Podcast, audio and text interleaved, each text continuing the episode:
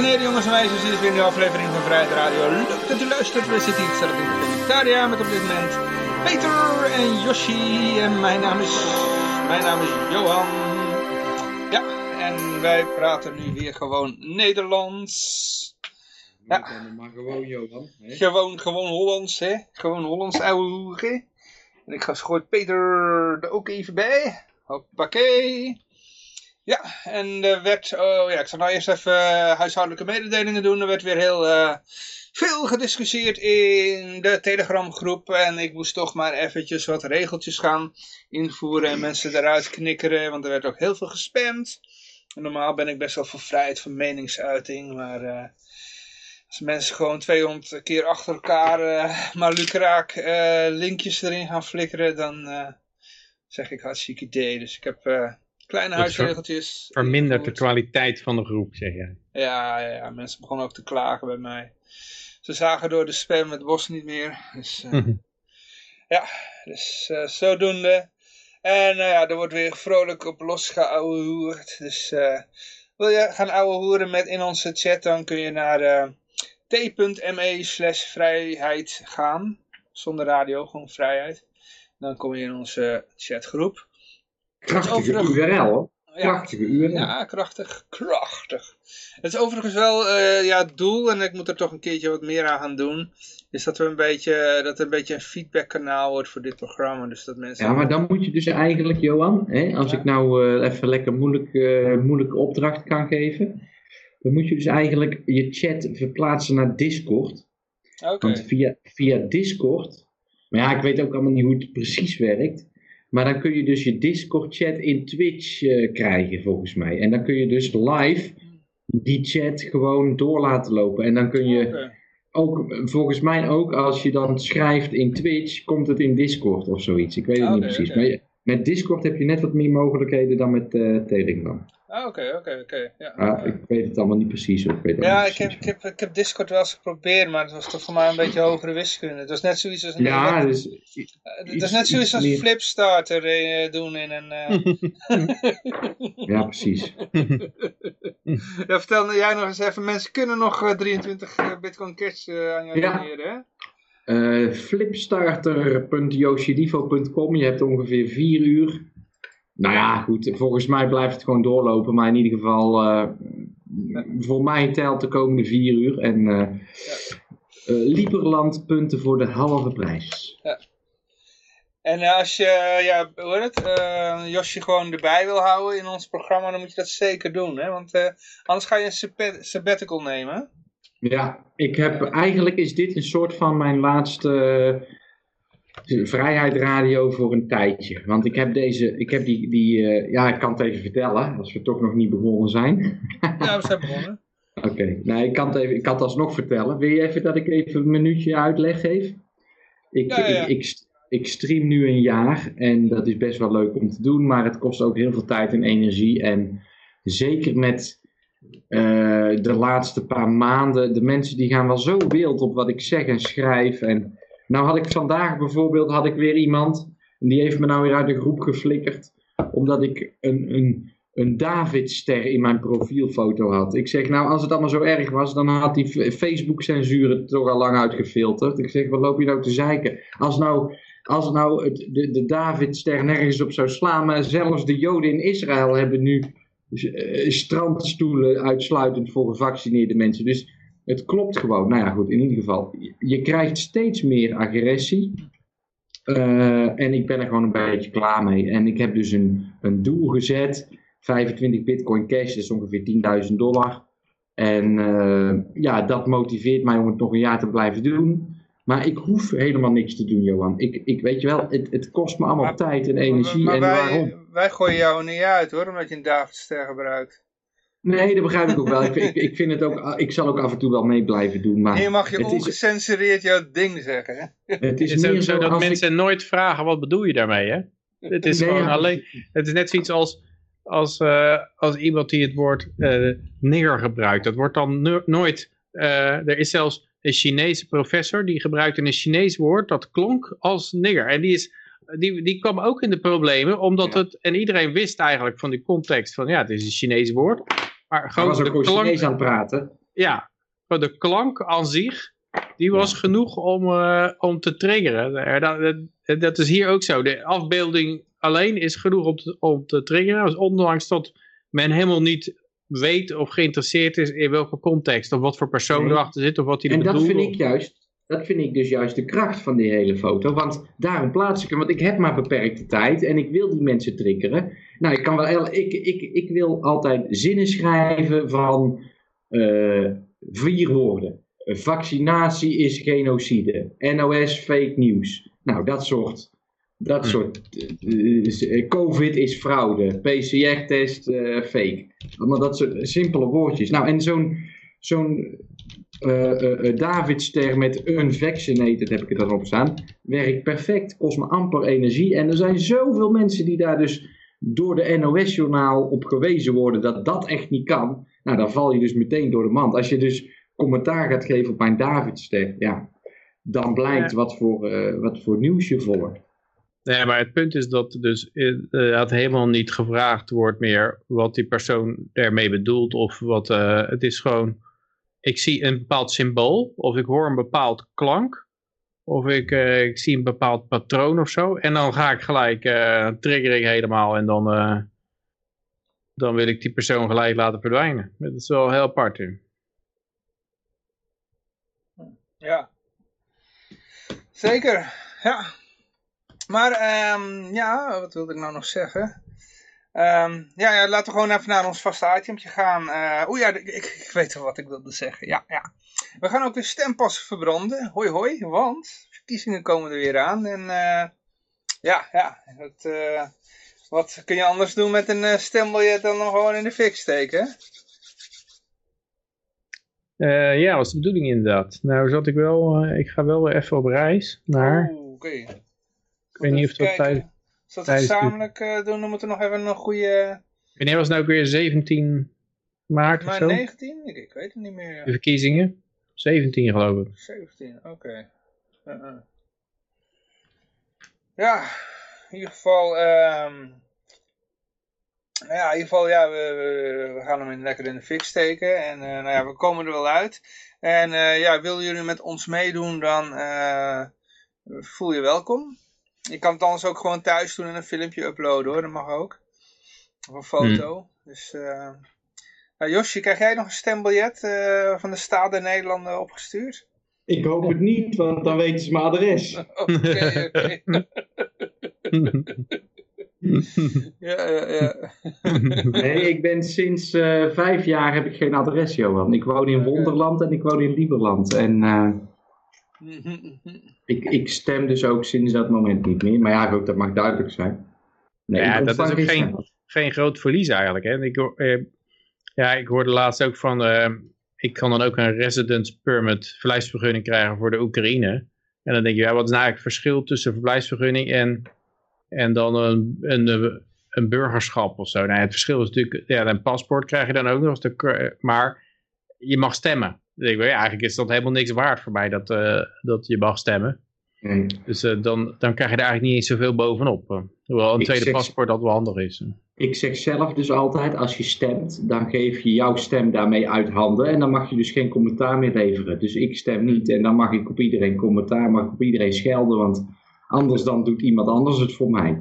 En dat is Meestal vaak... wordt dat als andersom gezegd. Ja, inderdaad. Meestal zeggen ze altijd van, ja, als je niet stemt mag je ook niet zeuren. Nee. Ja, dat is eigenlijk inderdaad vreemd. Ja, als je, eh, juist als je stemt mag je niet meer zeuren. hè. You asked for a, you asked for a ruler and you got one. Zo, Ja. dat was, eh, is dat, Zo zie ik het dus ook. Zo zie ik het dus ook. Maar ja, goed.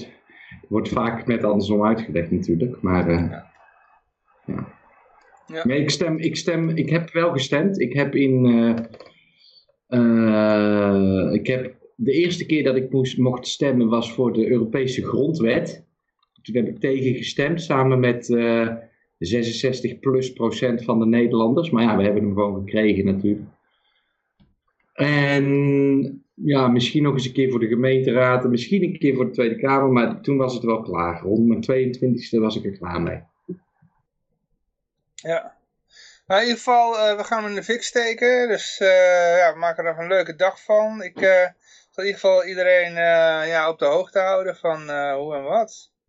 Ja, Dus uh, hou onze sociale media in de gaten. Dan uh, ja, zal ik het uh, iedereen laten weten. En ja, dan gaan we even naar het vaste rubriekje. Goud, zilver, bitcoin. Oh, oh, en nog één dingetje. Ik zet nog in het Engels, maar Flappergast, Flappergast in de chat zegt... je kan je stem proberen te verkopen op Marktplaats. Oh ja. Uh, Flappergast, ik, ik, weet niet, ik weet niet op, in welke stad jij woont. Maar mocht het Breda zijn, dan heb ik wel wat mensen die je stem willen kopen. Het koper voor je.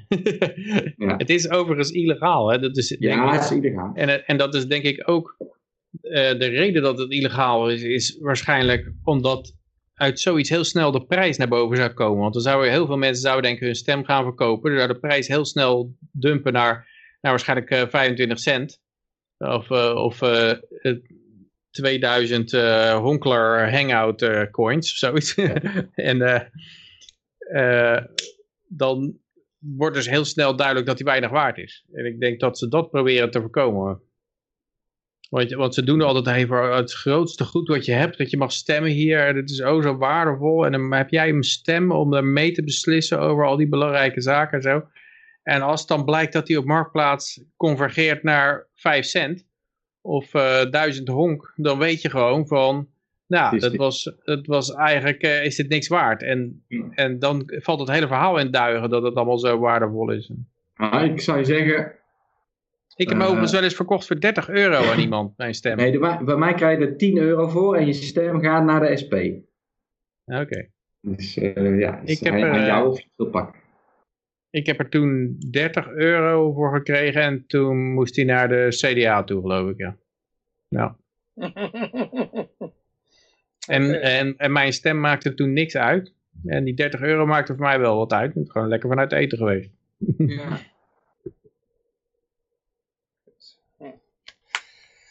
Ehm, maar goed, we gaan even naar de, de goud, zilver, bitcoins en de staatsschuldmeter toe. Laten we eens even beginnen met de staatsschuldmeter. Die staat oh, nog steeds op 380 miljard in het rood. Er is alleen eh, achter het kommaatje is, er, is het wat lager dan de vorige week. Dus eh, het is nu, eh, nou ja, goed, dat hoef ik niet eens te noemen. Goed. Ja, het, bedoel, het zegt toch niks. Hè? Ik bedoel, na de, na de verkiezingen zullen we weten wat de werkelijke staatsschuld is. En dan zal, hij weer een update krijgen, denk ik. En dan blijkt hij veel hoger te zitten. Ik, ik moet nog heel even naar de pan lopen, jongens. Ik ben bijna klaar, Ja, maar ja, ik ben ja. nog heel even heen en weer. Dan doe ik even de marijuana-index. Ja, er wordt Eh. ook steeds creatiever mee omgegaan.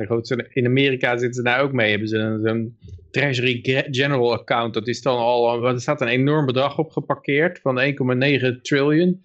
En die gaan ze dan, eh, maar die hebben ze al geleend, maar die hebben ze nog niet ingezet. Dus dan eh, zit het nog buiten het banksysteem. Maar als die er binnenkomt, dan gaat er weer een leverage overheen. Het is echt, het is nou één grote rookgordijn geworden. En nou gaan ze ook nog, de M2 gaan ze, gaan ze, gaan ze in Amerika anders rapporteren of eventjes niet rapporteren of zo, waarin ook weer het idee bevat dat dat dan een enorme ja, rookgordijn wordt opgetrokken. Dus eh, ja, Mhm. die, die staatsschuld kan er niet veel van zeggen zo. Nee, Maar het moet wel hoger zijn. zeker weten. Ja, en dan hebben we nog eh, ja, olie en, ehm, en eh, goud. Ja. Ehm, ja, de hadden we bit, crude oil is 61,28 dollar per vat. Dus het is, ja, het blijft stevig. Goud is 1714 dollar per ounce. Het zakt eh, toch al langzamerhand weg. En dan staat het bijna al onder de 1700. Het, het lijkt toch op dat, ja, het verhaal gaat dat de rente gaat in Amerika nou heel hard omhoog. De 10-jaarsrente vooral, die is, is Hm? in een vrij korte tijd verdubbeld. Ze- zeven, zeven dacht ik, want de 10-jaarsrente is officieel nog niet verkocht. Er was deze week wel een verkoop van zevenjarige rente en die is hard omhoog gegaan en daarop reageerde de 10-jarige rente. Maar de echte grafiek voor 10-jarige rente is nog niet echt beïnvloed omdat er geen verkoop nog is geweest. Ja, ik heb hier de grafiek staan van de 10-jarige rente, maar die is opgelopen van 0, eh, augustus 3, 3 augustus vorig jaar was die 0,56 procent voor 10 jaar vast. En nu is die 1,47 procent. Dus dat betekent ja. dat die, Nou, dat die bijna maal Drie 3 keer. maal drie gegaan is, die rente. Ja. Dus dat is toch wel eh, heftig. En, en daarmee is de verwachting dat dus dat mensen uitge... eh, ja, want het verhaal achter goud is altijd dat het... De waardering hangt af van een van de negative real rates. Dus dat betekent dat de, de rente minder inflatie. Dus als, je, als de rente bijvoorbeeld uh, 1% is en, en de inflatie is 3%, dan, dan verlies jij 2% aan koopkracht elk jaar. En dat, daar, daar kan goud heel makkelijk van winnen. En daarom gaat er altijd heel veel geld naar goud toe dan. Maar als de rente omhoog gaat, en dat wat dus nou het geval is, dan denken mensen van, oh, maar nou wordt het weer voordeliger om toch, of het, het, is nog steeds onvoordelig om je geld op een uh, spaarrekening neer te zetten, maar het wordt weer ietsje voordeliger en dan vluchten mensen weer weg uit goud, zogenaamd naar die, naar die rekening toe. Maar ik snap nog niet, want het is nog, zijn nog steeds negatieve reële rentes, waarom je dan dan uh, je goud zou inleveren. Ook, ik kreeg er net weer een bericht dat er een spaarrekening van mij wordt opgeheven, omdat ze anders negatieve rente moeten gaan rekenen. Dus uh, ja, volgens mij is het nog steeds uh, niet echt gunstig. Ja, ja, Maar ik had helemaal vergeten, we hadden natuurlijk nog de, de marijuana-index. ja. marijuana-index. Oh, oh. Wat doen we nou? Oh, luister, luister. Adolf Honkler tipt 1 dollar IP again via IP Bitcoin Cash. Type tip in Adolf Honkler. Dat is uh, gelijk up geband. Band. ja, Josje kent hem wel, hè? Adolf Honkler. ja, dat ben jij toch? Of uh, dat ben ik nou fout? Ja, dat ben ik, ja, inderdaad. Oh. Ja, ja. Nee, uh, ja, volgens mij had ik hem toch op Nederlandse taal staan. Dus vandaar dat het een beetje raar klonk. Uh, maar je kan uh, weer tippen via tipbitcoin.cash. Uh, doet het weer. En kijk, er komt wat binnen. Eldorado. Hey, leuk. Ja. Thanks for the follow, Eldorado. Ja, dankjewel. maar je kan gewoon een uitroepteken tip in de chat, in de Twitch chat doen. En dan krijg je de link hoe je ons kan tippen. Dus met bitcoin.cash. En aan te raden is dan voor het tippen de bitcoin.com wallet te gebruiken. Ja. maar goed, de marijuana index... Nou ja, die had dus een enorm piekje gemaakt de afgelopen weken. En die is nog steeds aan het corrigeren. Hij is nu helemaal gezakt naar de 216 punten. Dus uh, ja, het is... Uh, nou, misschien dat hij zometeen met de tweede wave uh, begint. Bitcoin al behandeld? Of, Nee, nog niet. Daar komen we ja. nu. Josje, dat mag jij doen. ja, Bitcoin. Ik zeg het even uit mijn hoofd. Ik ga het nu openen. Bitcoin heeft een uh, correctie gemaakt rond de 50.000 dollar. Dat werd onder andere voorspeld door mensen als Willem Middelkoop en Johan Jongepier en Joosje Livo. en uh, de 50.000, daar hebben we dus, we zijn even doorgeschoten naar de 58.000 en we zijn teruggevallen naar de 44.000. En we hangen nu weer rond de 50.000. Vandaag in de afgelopen 24 uur zijn we dus weer nou, 10%, 7, 7,5% omhoog geschoten.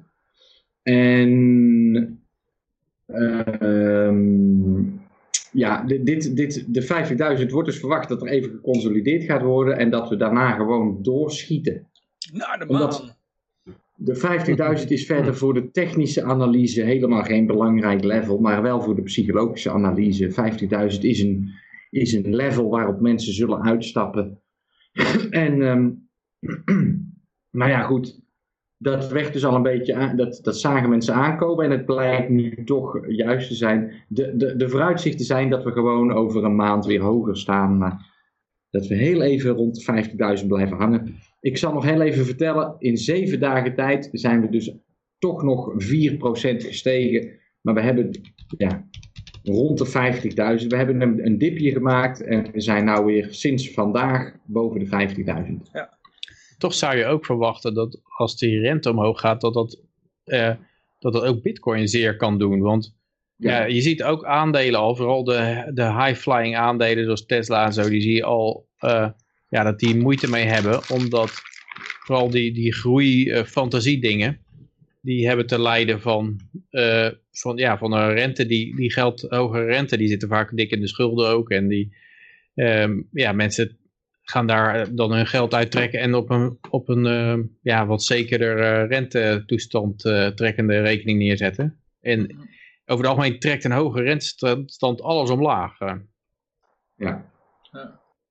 Ja, precies. Nou, het is wel spannend hoor. Dit getal van de rente is niet zomaar iets. Het is wel een echt uh, breek van de trend, of een breuk van de trend. Ja. En, uh, En Ja, een hele lange ook al, want het gaat al 40 jaar omlaag, die rente. Ja. En daar lijkt er nou dan een eh, omkering in te zitten. En de verwachting is natuurlijk, iedereen verwacht dat de centrale banken wel weer ingrijpen en het allemaal weer de kop indrukken. Maar meestal is het zo dat ze het toch wel eh, even op moeten laten lopen. Eh, ze, kunnen, ze kunnen niet de markt laten geloven dat het toch allemaal bluff is.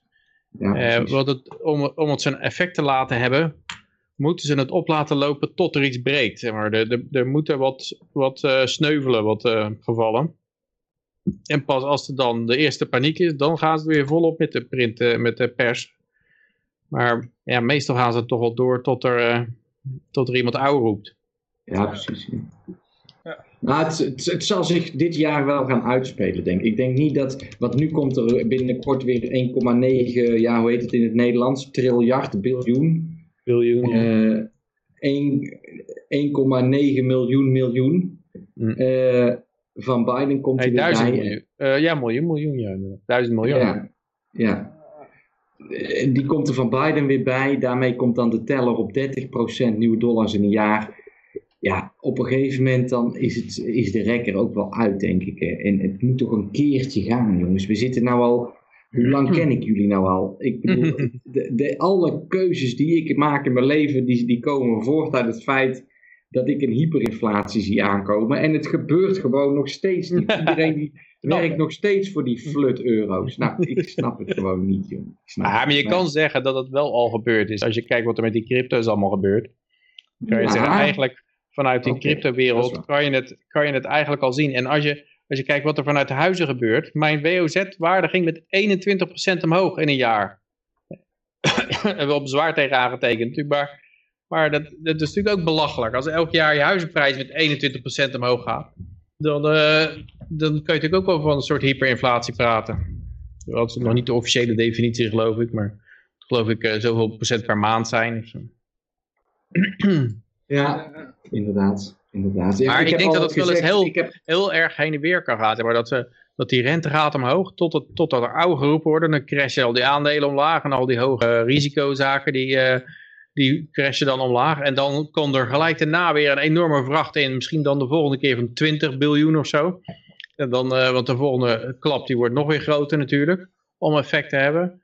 En, en dan, eh, dan gaat het, het sky the limit in, zeg maar. Maar het zou nog best een keer ja, heel erg heen en weer kunnen gaan. Omdat, ja, omdat het, iedereen weet wel dat ze uiteindelijk wel eh, de geldpers weer aanzetten. Maar als ze, er, als ze het langer uitstellen, dan... dan ja, maar eh, Peter, hebben we dan dat wat jij nu beschrijft niet precies gehad van de 20.000 naar de 3.000? En is daar niet twee, drie jaar nu mee gekocht? Hebben we die extension niet eigenlijk al achter de rug? van de 20.000 naar de 3.000? Ja, oh, oh die, eerste crash, zeg maar. ja, van 2017 tot en met een half jaar geleden, zeg maar. Ja, er lopen een heleboel dingen door elkaar heen. Eigenlijk proberen ze, heb ik het idee, een beetje de oorzaak-verband, oorzaak-gevolgverband te verdoezelen. Zoals ze dat in die Treasury General account, dat is eigenlijk gewoon een rekening van de overheid. En daar lenen ze dan 1,9 biljoen in. Maar die geven ze dan niet gelijk uit. Want dan, dan zou je gelijk merken, het effect. Dus ze laten ze, het is onder Trump al eh, erbij gezet. Dus hebben ze een soort enorme eh, eh, munitiekamer de, klaar liggen. En die gaan ze dan opeens drie jaar later afschieten misschien. Of wa- wanneer zij, ze kunnen daar even mee wachten. En dan, dan zie je het, het verband misschien wat minder goed. Dat doen ze met het minimumloon ook. Hè. Dus ja, minimumloon naar 15, dat is nou afgeschoten. Maar Oh. daarvan was ook het idee, en het gaat pas in over twee jaar of zo. Of het gaat gedeeltelijk in over een jaar en het dan over twee jaar. Obamacare deed dat ook, hè? niet in één keer Obamacare. Want dan zie je gelijk van wat verteringsooit het wordt en dat het allemaal veel duurder wordt. Nee, het gaat er in fases in. En eerst komt er die fase en dan komt er die. En de volgende, de laatste fase die gebeurt pas bij de, tijdens de volgende president. Dus dan kan je helemaal niet meer zien wat voor schade het aanricht. Ja. Niet zo duidelijk meer tenminste. Ja, ja, Ik ben weer even heen en weer lopen, jongens. Het spijt me hoor. Ik heb ook nog even een mededeling dat het meisje toch weer langskomt. Dus ik blijf nog een uur. Oh, het spijt me ontzettend. Ja. Zo terug. Ja, ja, ja. Ehm, ja, goed. Ja, nou, ik wil in ieder geval nog zeggen, eh, wat me ook nog wel opviel, was dat ehm, Cardano, die, recht- die reageerde heel anders dan eh, Bitcoin. Hè? Die, bedoel, en al, al die andere coins. De rest ging, eh, so- swingde gewoon mee met, met bitcoin toen die omlaag ging. Maar je zag Cardano ja, een heel kleine correctie maken. En die maakte, en maakte kort daarna toen de rest in zijn dip zakte, zat, eh, maakte die zijn eh, all-time high van 1,20 euro. Dus eh moet wel bij Ja, zeggen, niet- in niet fiat, hè, in eh, fiat geld. Oh, Ja. in euro's dan, ja. Want Ja, hij, all-time high in dollars 1,38 of zo was het, geloof ik. Ja, ja. Maar ehm, ja, dat heb je natuurlijk de vorige cycle ook gezien. Dat Bitcoin die had zijn top al bereikt. In, eh, ik geloof in 2017 in december. En die begon al omlaag te gaan. En toen kwam Ethereum. Die, kwam, die zette pas zijn hoogtepunt in ergens in januari neer. Die, die schoot nog door na, daarna. Ja. En, en eh, Cardano trouwens ook toen. Dus Ja. het is op zich niet verwonderlijk dat als, als Bitcoin eh, ja, tot rust komt, dat die anderen dan nog even doorschieten. Nou, wat ik het vermoeden heb, want bij Cardano kan je, kan je steken en dan krijg je steeds 5%. Tenminste, op, op jaarbasis krijg je trouwens 5%, moet ik er even bij zeggen. Waar Eh, krijg je dat dan uitgekeerd trouwens? eh, je kan het, eigenlijk ieder moment kan je wat je gesteekt hebt, eh, je staking reward, kan je dan opeisen wanneer je eruit stapt. Het moet geloof ik minimaal een jaar gesteekt, sorry, minimaal een maand gesteekt hebben. En als je dan zegt, ja, ik ga het toch verkopen, dan kun je het weer unsteken. En dan krijg je het eh, reward wat je dan hebt opgebouwd, dat krijg je dan gewoon. Hm. Dus, eh, maar in ieder geval, normaal is het pas na een jaar dat je dan eh, je reward krijgt van 5%. Dus, eh, maar heel veel mensen, wat, wat ik denk dat veel mensen doen is, die zeggen van, hé, hey, dit is wel een leuk alternatief voor een bank. Ik, ik ga het gewoon alleen maar steken. En ik beweeg het verder niet, ik verkoop het verder niet. Het staat gewoon Mhm. ergens op, in een wallet. En als heel veel mensen tegelijk dan, dat doen, dan ja, dan komt er steeds meer vraag natuurlijk. Hè? En volgens mij gaat het pas weer dippen in, ehm, in de september of zo. Of, eh, wanneer, wanneer, nee, augustus hè, denk ik. Wanneer de voor het eerst gesteken kon worden. In ieder geval over een paar maanden. Dan, eh, dan zijn Als de een eerste... jaar voorbij is. Ja, dan hebben de eerste mensen een jaar gesteekt. En dan gaan ze misschien 5% eh verkopen. Of ze gaan dat ook weer steken hoor, dat weet ik niet. Dus maar dan- Sowieso, het is ook altijd met Amerika heb je dat na een jaar lang val je in een long-term capital gain, die veel lager is dan een short-term capital gain, belasting. Dus dan doen ze, veel mensen rekken het tot een jaar, eh, dat ze in ieder geval ja, pas na een jaar verkopen. Hm, hm, hm. Maar eh, ja, ik weet niet, ik denk als bitcoin heel erg gaat, eh, ga, omlaag zou gaan, dan, dan gaan, gaat ADA ook gegarandeerd mee. Maar het lijkt erop dat die veel van die altcoin, of tenminste de meest belovende altcoin projecten, eigenlijk kan je van Ethereum, lijkt nou heel erg achter. Maar de meest veelbelovende altcoin projecten, die, ehm, eh, die eh, schieten nog door nadat bitcoin al zijn piek bereikt heeft. Ja, ja. Ik had even nog, ja, Polkadot kunnen we nog even kijken. Ja, die gaat ook, eh, die gaat ook alleen maar omhoog, ja. Nou, het hele rare is, Chainlink is altijd een, een coin geweest. Die, die, die ging tijdens de hele beermarkt van bitcoin, bleef die gewoon omhoog gaan. Een soort anti-bitcoin, wat op zich wel leuk is. soort, eh, ja, niet, niet zozeer gecorreleerd met... Die gaat gewoon zijn eigen koers. Nou goed, we zijn nu bij de ehm, berichten aangekomen. En even kijken hoor. We, ehm, ja, we moeten er even een uurtje doorheen jassen, want dan is Josje weg. ja, hartstikke idee. even kijken hoor, we beginnen even oh met... jee, ehm, corona. We beginnen even met... eh, oh ja, ja, volgens mij zeiden jullie dit net. Eh, Jellen die jast er even... Die strooit even met eh 1,1 triljoen eh, treasury cash. Huppakee. Vanuit de helikopter, zo. van een bil, billion. Ja. Hier staat er 1,1 triljoen. Ja, maar in, wat in Amerikaans een trillion is, is, is, is in het Nederlands een biljoen. Eh volgens mij is dit een eh, Amerikaans eh, bericht hoor. Ja, dus het Real is een, ja, dus het is in Nederland heet het dan 1,1 biljoen. Oh, op die manier. Ja, ja, ja, biljoen. Ja, ja. Net zoals een, een billion i- in het Amerikaans is een miljard in het Nederlands. Ja, ja, ja, ja, ja. Eh, dat bedoel je, ja. Ja. Ja, er zijn een aantal dingen. Ze hebben inderdaad een enorme berg hadden ze in die TGA, die staat hier inderdaad genoemd, de Treasury General Account. En eh, ja, die gaan nou geloof ik uitgegeven worden om, eh, om al die corona relief van te betalen. Hè. Die, wat dan corona relief heet natuurlijk, maar ik zie Josje al lachen van de corona. Ja, dat heet inderdaad Ja, leuk. ik- ja. ik geef het bij de officiële naam, maar het is natuurlijk, je, eh, in totaal is het 1,9 biljoen, die corona relief. En dat is dan 5000 dollar per Amerikaan. En in ruil daarvoor krijgt hij een cheque van 2000. Dus dan weet je eigenlijk al wat er gebeurt. En er wordt 5000 bij hem gejat. En hij krijgt er een 2000 dollar check voor terug. En ik zag al mensen op, waren mensen op Twitter die zeggen... hey, eh, we hebben op eh, Biden gestemd voor, eh, voor de stek van, een check van 2000 dollar. Niet voor een, een aanval op Syrië. en toen zei ja, maar die mensen eronder allemaal natuurlijk heel erg... Ja, misschien volgende keer het geld vooraf vragen voordat je je stem verkoopt. Ja, dat, dat je, maar het is ook ongelooflijk dat je gewoon denkt van ja, ik krijg een cheque van 2000 dollar. Nou, dat is toch mooi meegenomen. Dat doe ik, eh, die krijgt mijn stem. Terwijl die gewoon, ja, ze, ze stelen gewoon 5000 dollar van je in- als belasting. Eh, dus ja, het is, eh, het is eigenlijk, ja, het is heel triest. Maar dat soort mensen krijgen ook een beetje waar ze om, eh, waar ze om vragen natuurlijk. Als je daar niet in verdiept en je, gaat, je denkt niet, ook niet eens aan de morele kant van, eh hey, hoe kan die vent mij 2000 dollar geven, terwijl die eh, alleen maar belasting heeft. En dat je dan denkt van, nou, het zal bij anderen vandaan komen. Nee, hij van gaat die dus, rijken, eh, hè, van Bezos. ja, kom bij die rijken, daar heb ik totaal geen last van. ik zit alleen aan de ontvangende kant. Eh, ja, je moet, dan dan krijg je straks natuurlijk keihard eh, ja, de, de deksel op je neus. Met, iemand, zegt al, de- iemand zegt al de 1000 euro belofte van Rutte, ja. ja, het is We gaan er allemaal op vooruit. Het is allemaal zo goedkoop. Maar ja, je krijgt het straks in Nederland ook weer natuurlijk. Dus ik hoorde al mensen zeggen van ja, dan gaan straks twee dagen voor de verkiezingen gaan de terrasjes weer open. En dan, dan komt Rutte op tv met van ja, ik heb nog eens goed over nagedacht en alles overwegen. Maar eh, ja, jullie mogen, jullie mogen op het terrasje zitten hoor. Want ik, ik zit zelf ook graag op het terrasje. En eh, ja, dat, ik denk dat dat, dat, dat, dat inderdaad zo gaat gebeuren. Met een hele hoop voorwaarden erbij. Dat je wel eh, oranje schoenen moet dragen en drie keer per minuut aan je kont moet krabben. En dat doen mensen dan natuurlijk niet. En dan eh, kunnen we vijf dagen na de verkiezingen zeggen van ja, de, de gevallen cases lopen weer enorm op. Smettingen. En dat komt natuurlijk. Mensen hebben zich toch niet aan de regels gehouden. En dan eh, gaat alles weer dicht. En dan, dan kunnen alle, alle slaven, die kunnen zeg weer iedereen uit gaan schelden die, die iets te veel vrijheid genomen heeft. Die op een terrasje is gaan zitten die dagen. Het hoort er dan ook bij. Het, het kastijden van de ene helft van de bevolking door de andere. Omdat je nog meer aan de regels had moeten houden. Want nou zitten we weer, hebben we weer de, de Sjaak. Nou, ik heb jullie de vorige keer toch verteld over mijn vorige buurjongen, Johan de Vos.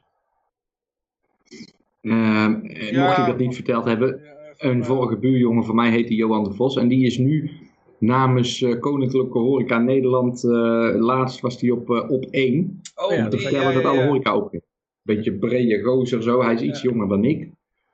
En die heeft nu, eh, nadat hij zijn terras had opengegooid, is zijn eh, terras besmeurd met ketchup. Bloed aan je handen, stond er. Oh. Ja. ja. Oh mensen, kinderen. Nou ben ik niet helemaal een, eens met hoe Johan de Vos het, eh, het presenteert. Die zegt, ja, als je de horeca weer opengooit, dan heb je er 60.000 boa's bij. Ja, eh, dat betekent dus dat je bereid bent om aan alle bullshitregels die de overheid je gaat opleggen, je terras open te gooien. Nou, dat is volgens mij niet de manier. Maar ja, eh, hij zal ook wel weer flink ingefluisterd zijn. En hij voelt zich natuurlijk een hele toffe peren dat hij op televisie komt. Misschien Maar, heeft hij eh, zelf die ketchup wel... Ja, zichzelf framen. En dan zeggen we, kijk het is eens. een beetje zo'n Jussie Smollett-achtige actie Ja. om in het nieuws te komen. Je, je, café gelijk helemaal eh, bovenaan de, aan de lijst. Nou, Ja, ik ben dus niet zo enthousiast over de aanpak van de horeca nu met terrassen open, maar we gaan wel handhaven. Gewoon Ja. die terrassen open, geen bullshit. En gewoon serveren, want dan serveren ze niet op de terrassen. Gewoon, hup, volle bak of niet? Ja, ja. Ja, ze zijn natuurlijk toch bang voor de... En niet alleen voor de boetes, maar toch ook wel voor de, de, zeg maar de zombies die gewoon eh, gelijk met, een, met hele golven aanvallen. Ja. Omdat ze helemaal geïndoctrineerd zijn in deze. Hm? Was van de week ook nog, en dan zal ik erover ophouden, want het staat niet in de berichten, maar er was ook nog een, eh, een item op Po-nieuws van een of andere restauranthouder. En die zei, ja, eh, ik heb scheid aan Rutte, ik heb scheid aan dit, ik heb scheid, eh, ik heb, ga open. Nou, de volgende dag komen ze terug. Ja, je bent toch niet open. Wat is er nou? Ja, ze dreigden om mijn vergunning af te pakken. Dus nou heb ik, weet je wel, nou ja. Ja. Zo'n gozer met een nek, die is dikker als mijn bovenbeen, weet je wel. En dan loopt dan allemaal met zo'n Ajax-shirt allemaal vol met tatoeages, allemaal tof te doen. En de dag daarna kom je terug. Ja, de handhaving had me opgebeld en ik, ik, ik raak misschien mijn vergunning kwijt. Jongen, jongen, jongen, jongen. Eh, Maar ja, Ja, maar zijn je kan dat zeggen, maar het is natuurlijk toch ook al... Ja, ik zou dan in dit geval zeggen, ja, laat dan dat hele toffe maar achterwege, want er klopt ook niks van. Maar ik kan wel begrijpen dat je je zorgen maakt, want het is heel moeilijk als je gaat zeggen, van, nou, neem, neem maar een vergunning, maar dan ga ik gewoon wel alcohol serveren zonder eh, eh, vergunning bijvoorbeeld. Ja. Dan, daar, daar, dat is een gevecht dat je gewoon niet gaat winnen uiteindelijk, omdat er niet genoeg mensen meedoen. Nee, Ja, maar- ja, totdat er dat- wel genoeg mensen meedoen. Ja, maar dan ga je ook niet lukken, denk ik, om genoeg mensen mee te krijgen. Hm. ja. Nou, dat is weer En- wat anders. Ik denk ook niet in Nederland, nee. Ik denk het ook Nee, niet. dus het is eigenlijk een soort suicide om het te doen. Maar ja, begin er dan helemaal niet over, denk ik. Van- Ja, er moet Ja, natuurlijk een eh, verandering in het denken komen. Zolang heel veel mensen nog steeds in de overheid geloven, ja, dan eh, is het een onbegonnen zaak natuurlijk. Ja, Dus ja, dus, eh, maar er wordt Maar- aan gewerkt. er wordt aan gewerkt, inderdaad. De middelen zijn er, dus eh, ja, moet dat alleen maar... Jongere, ja. generaties, jongere generaties gaan nooit dezelfde soort vertrouwen hebben in de overheid als, als de ouderen. Komen we zo meteen nog op. Gaat gewoon niet Ja, gebeuren. ik wil nog even naar het, eh, het volgende wat eigenlijk hier een beetje aangekoppeld was en wat eh, Peter al noemde. Er wordt, eh, naast dat er weer met geld gesmeten wordt, wordt er ook weer lekker met bommen gesmeten. In Syrië. Ja. Ja. het is weer Ik las begonnen. het. Het was trouwens nooit opgehouden hoor, maar eh, Het waren Iraanse doelen, had ik begrepen. ja, eh, Ja. het maakt niet uit. Het wordt, gewoon- er moeten gewoon niet meer bommen gegooid worden daar. Ja, en er is al een tegenaanval geweest ook op de raketten op de, de Amerikaanse ambassades afge, of de Amerikaanse Green Zone in Bagdad afgeschoten. Dus ja, eh, dan krijg je natuurlijk die demente geit. Die moet natuurlijk laten zien dat hij nog eh, helemaal vol van testosteron zit. Dus die, eh, die gaat er gelijk een nuke op gooien, denk ik. Hoewel, ik begreep dat, dat ze mede-democraten, vond ik wel opvallend berichtje, die hadden gevraagd om de nucleaire codes, dat die niet bij hem mochten zijn alleen. ik vond dat een beetje een teken van, ja, er was al, waren, waren al andere dingen. Laatst moest hij vragen beantwoorden in de persconferentie en toen, toen, toen fluisterde zijn vrouw hem wat in zijn oor. En, eh, en, eh, en later beantwoordde zij ook een vraag beter dan dat hij dat had gedaan. Dus dan- dan geef je eigenlijk het idee van, ja, misschien hebben ze ook langzamerhand... Hij heeft ook nog nooit een persconferentie gegeven.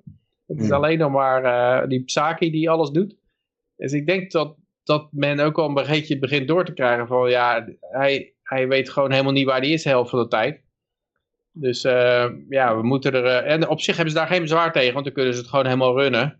Eh, ze, ze hebben alleen maar... Als maar die handtekening maar zetten. hè. ja, maar maar hij, hij zag, zag je dat ook laatst? Toen werd hij gefilmd met een handtekening zetten. Ik weet helemaal niet wat ik teken, zei hij. En toen tekende hij toch gewoon. ik heb geen, idee- geen idee wat ik teken.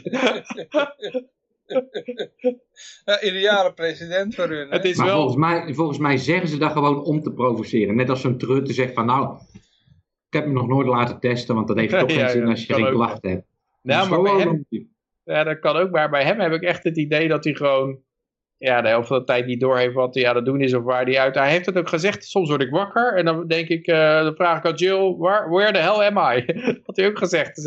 Het is het Witte Huis. Ja, ik, ik denk echt dat we in een fase zitten waarin dus de overheden aan het proberen zijn om mensen echt op de kast te jagen. Met allerlei Ja. rare regeltjes Ja. die niet kloppen. Om geweld uit te lokken. Zodat ze geweld kunnen gaan gebruiken. Ja, En- inderdaad, ja. Daarom maken bijvoorbeeld zo'n Joe Biden zegt dan ja, ik weet niet wat ik teken hoor, maar ik teken. weet je wel, En dat, dat klippen ze dan. En, Ja, hij zei het heel zachtjes hoor. Hij mompelde het. oh, oh, oh. Je oh. kon het net horen. is Ik niet eh, opgezet. ja, of het is heel goed opgezet, of ik denk dat, dat, hij, nou ja, dat hij dat gewoon echt, eh, echt geen idee had. Maar Bijvoorbeeld die uitspraak van Rutte. Ik snap niet dat je dat doet. Als je nou echt een beleid wil voeren, dan ga je toch niet zeggen: nee, ik ben nooit getest, want het werkt toch niet als je geen klachten hebt. Wat slaat dat? Dat is toch. ja, later zei Hugo de Jonge dat bedoelde, wat hij bedoelde te zeggen, dat was, was iets anders. Hmm. Nou, Maar die Hugo de Jonge loopt zelf ook zonder mondkapje in de supermarkt. Dus het- ja, het is natuurlijk... eh, ja, het is... eh, ik denk ook dat het van nature gebeurt, omdat die mensen steeds meer vervreemd raken van de echte wereld. Mhm. Dus die hebben eigenlijk helemaal niet door wat er speelt. Eh, ja, hoeveel er geleden wordt buiten hun ivoren toren. En als je dat niet door hebt, dan zeg je ook dat soort dingen heel makkelijk, denk ik. Maar ja, misschien is het ook wel... eh, Ja, ik weet het niet hoor. Het is misschien te ver conspiracy gedacht, maar... Eh, het zou kunnen hoor. Ja. Het, ik denk wel dat overal is de, is de ontwikkeling. Je maakt het gewoon steeds erger als overheid voor de burger. En je propagandeert ze gewoon helemaal, helemaal, helemaal ziek. En je maakt ze zo ver kapot dat ze inderdaad in opstand komen. En dan kan je zeggen van, ja, eh hoor eens, nou moeten we wel geweld gebruiken. Zij waren begonnen. Dat is eigenlijk die altijd het idee hoe, hoe Hitler ook zijn oorlog begon, is, eh, is eh, de Poolse so- Oh, Polen, die vielen mijn radiostation aan. eh God. en, Johan. gelijk helemaal de pleuris naar zijn, eh, zijn, eh, zijn Godwin. Verdorie, sta helemaal niet klaar Oh, met een Godwin. Godwin. ja, nou. Ja. Hm. Het is Gaat dit, eh, gaat dit lange termijn gevolgen hebben, deze bommen? Komt er een nieuwe oorlog? Tuurlijk. Ja. Altijd hoor, altijd. Iran staat nog op het lijstje van die Wesley Clark. Hè. Die hadden toen zeven landen. En het eindigde met het, eh, het, het eh, rebellizen van Iran. Maar Iran lijkt toch... En, en dat was al... We zitten al ruim over de datum waarop dat gebeurd moet zijn. En Syrië is ook nog niet gevallen. Dus ik... eh, ja, misschien gaan ze dat doen. Ik denk dat, het wel, dat dat wordt wel een blunder van gigantisch omvang als ze dat gaan doen. Eh, We gaan het zien. Maar eh, ja, Nederland heeft natuurlijk, doet, eh, heeft natuurlijk ook meegedaan. En eh, ja, Trouwen heeft daar weer een heel artikel aan gewijd. Dus, Ja. eh, volgende. En dit zijn nog steeds eh, feiten die worden ontkend door de gemiddelde, Ja, eh, ja, hoe moet je het zeggen? Sukkel. Onderdaan. ja, onderdaan. Want eh, ik ben dus van de week weer uit de, ik, ik had vorige week al gezegd, die vrij, eh vrijdenkergroep. Mhm. Ik was weer teruggeplaatst. En toen schreef iemand, eh, geloven jullie in alternatieve feiten, was er een stelling. Ik zeg, nou, ik geloof dat bitcoin geld is en dat de overheid eh, schuld eh, nooit afbetaald kan worden. En dat is vrij alternatief voor de gemiddelde gang van denken in de, voor de gemiddelde Nederlander. Ja, en ik kreeg er weer een hele, ik ben weer uitgemaakt voor wappie en eh, bitcoin is een piramidespel en nou ja, goed, alle, alle eh, bekende bullshit. Maar toen zei ik, joh, op een gegeven moment komt het dan ook weer op corona. Dan zeg ik, hoe vaak moet er nou nog worden gelogen? Ik bedoel, dat ISIS was ook gewoon betaald door de Nederlanders. En niemand die dat weet. Niemand die weet dat Nederland wapens heeft geleverd aan ISIS. Ja, ik dat begrijp is het wel, dus niet. Het is wel ergens in nieuws geweest, maar het is niet echt doorgehamerd. Ja, is niet het is zelfs echt, in de eh, Tweede Kamer besproken ook hoor. Ja. Had die, Maar het is niet- ja, ja, die, Maar het is die- niet zo, zeg maar, het is een golf van nieuws die je krijgt Ja. van de, de- alle media, overal, alle headlines op je afkomen. Dat is hier niet mee gebeurd. hè. Dat, Nee, eh, die die, die, die, die, dat, die Pagina student- 8. Wat is die man van de CDA, hoe heet die nou? Die, eh, god, ik ben zijn naam weer kwijt. Ehm, Elko Brinkman. nee, die andere. die, die, die, eh, de dissident, zeg maar. Dissident. ja. Nou? Oh ja, ik weet wel. Ik, eh, Onzicht, dit, ja. onzicht, onzicht. Die had dat een keertje, die heeft dat eh, in ieder geval getweet en volgens mij ook in de Tweede Kamer besproken, ja. Het ging volgens mij ook over dit dossier, maar... Of een andere... Nee, het is, wel, het is wel in het nieuws geweest. Ja. Maar kennelijk kunnen zij dingen in het nieuws brengen, brengen dat de gemiddelde lezer inderdaad in slaap valt en het zo weer vergeet. En ze kunnen iets in het nieuws brengen zodat mensen het honderd jaar daarna nog weten of zo. Nou, dat is een beetje overdreven misschien, maar Nee, maar Eh, klopt wel. en ik denk dat het een manier is om het een beetje eh, aan te zwellen ook of zo. Als jij het gewoon op zijn bord plemt, boem, hup, en dan, hup, nou, ja, eet je het niet op, dan haal ik het weer weg. Dan is het gewoon alsof het er niet geweest is. Ja. Terwijl, wel, meestal gaan ze het een beetje opbouwen, zeg maar, van een feitje hier en een feitje daar. En eh, met, eh, ja, eh, bijvoorbeeld dat je insecten moet gaan eten of zo. Dat wordt dan eerst celebrity, eet, gaat, stapt over op insecten eten of zo. En dan heb je bij global warming natuurlijk helemaal het geval. Dat ze gewoon, ze masseren je inderdaad gewoon met duizend kleine berichtjes naar, naar een hoogtepunt toe. En dat blijft beter, blijft beter be- Ja. ja. bewaard dan gewoon, eh, oh ja, we hebben ISIS gesponsord. Eh, en in verder nieuws, eh, morgen eh, komt de Elfstedencommissie bij elkaar. Ja. Nou, en dit is ook weer zoiets. Kijk, er staat er dus, het kabinet stemt in met onderzoek. Nou, dat blijft dus weer, dat onderzoek wordt dan op een moment gepubliceerd dat het hun goed uitkomt. Net als ze toch alweer demissionair zijn of zo. Als, Ja. eh, volgens mij was vorige keer, werd dit besproken toen, eh, viel iedereen over eh, de breuk tussen André Hazes en, en ja. Ja, dat is ook zo inderdaad. Dat zal ook een manier zijn waarop ze dat doen. Dat ze het gewoon... eh, André Hazes gaat ze weer even uit elkaar. En dan kunnen wij even wat er doorheen loodsen. Dat ze inderdaad op dat- dat soort momenten als, als dat ze, en daar hebben ze natuurlijk studies van gemaakt, van wat, wanneer zijn mensen gewoon het meest, eh, en dan laten ze dat in de kast liggen, want je kan dat op elk moment naar, naar buiten laten komen wanneer je maar wilt, als je zoiets, eh, het is niet zo van, nou dat moet dan vandaag of morgen, dus ik, ja, dan kunnen we gewoon de eerstkomende maand, zoek maar een goed moment uit, en dan kunnen ze een moment zoeken dat inderdaad mensen maximaal afgeleid zijn. Ja, dit is gewoon de, de slager zijn eigen vlees. Ze weten in zekere zin al wat de, de uitkomst van dit onderzoek gaat zijn. Dus ja, oké, we willen dat je rond die periode klaar bent. En dan eh framen we het wel op zo'n manier dat het makkelijk vergeten wordt. Ook bleken civiele goederen te bestaan uit pick-up trucks en satellietapparatuur. Die werden ingezet voor de militaire strijd. Ja, je levert satellietapparatuur en dan, hé, hey, wat is, dat is vreemd. Ze worden ingezet voor de strijd. Ja. Ja, de, de vraag is ook altijd nog, waarom heeft de Nederlandse overheid die, eh, die ISIS-gasten gesteund? En dat is natuurlijk omdat ze van Assad af wilden. En dan is de vraag altijd, waarom willen ze in hemelsnaam van Assad af? Eh, en waarom en dat is gewoon, ja, je bent een, loyale slaaf van de Amerikanen en die willen van Assad af. En eh, inderdaad, dat zal wel met die gasleiding te maken hebben die daar eh, niet doorheen mag komen. Nee, die daar wel doorheen. Nee, volgens, Wel, er wel doorheen, wel doorheen. Ik dacht dat hij er wel doorheen moest gaan. nee, nee, want Assad die houdt hem tegen, want dat is een tel van Poetin. En dat, ja, maar dan moet hij er dus wel doorheen. Die ja, maar dat gas dat komt vanuit Qatar of zo. Dus die, dat, die willen ze juist niet hebben. Ze- eh, Poetin wil dat, ze, dat je afhankelijk bent van zijn Russische gas. Hmm. Maar dat is het idee. Want Assad die laat die pijpleiding niet leggen. Ah, Nee, volgens mij willen ze hem er wel doorheen hebben. En daarvoor moet, moet eh, Syrië. ja, ja. Oké, Maar-.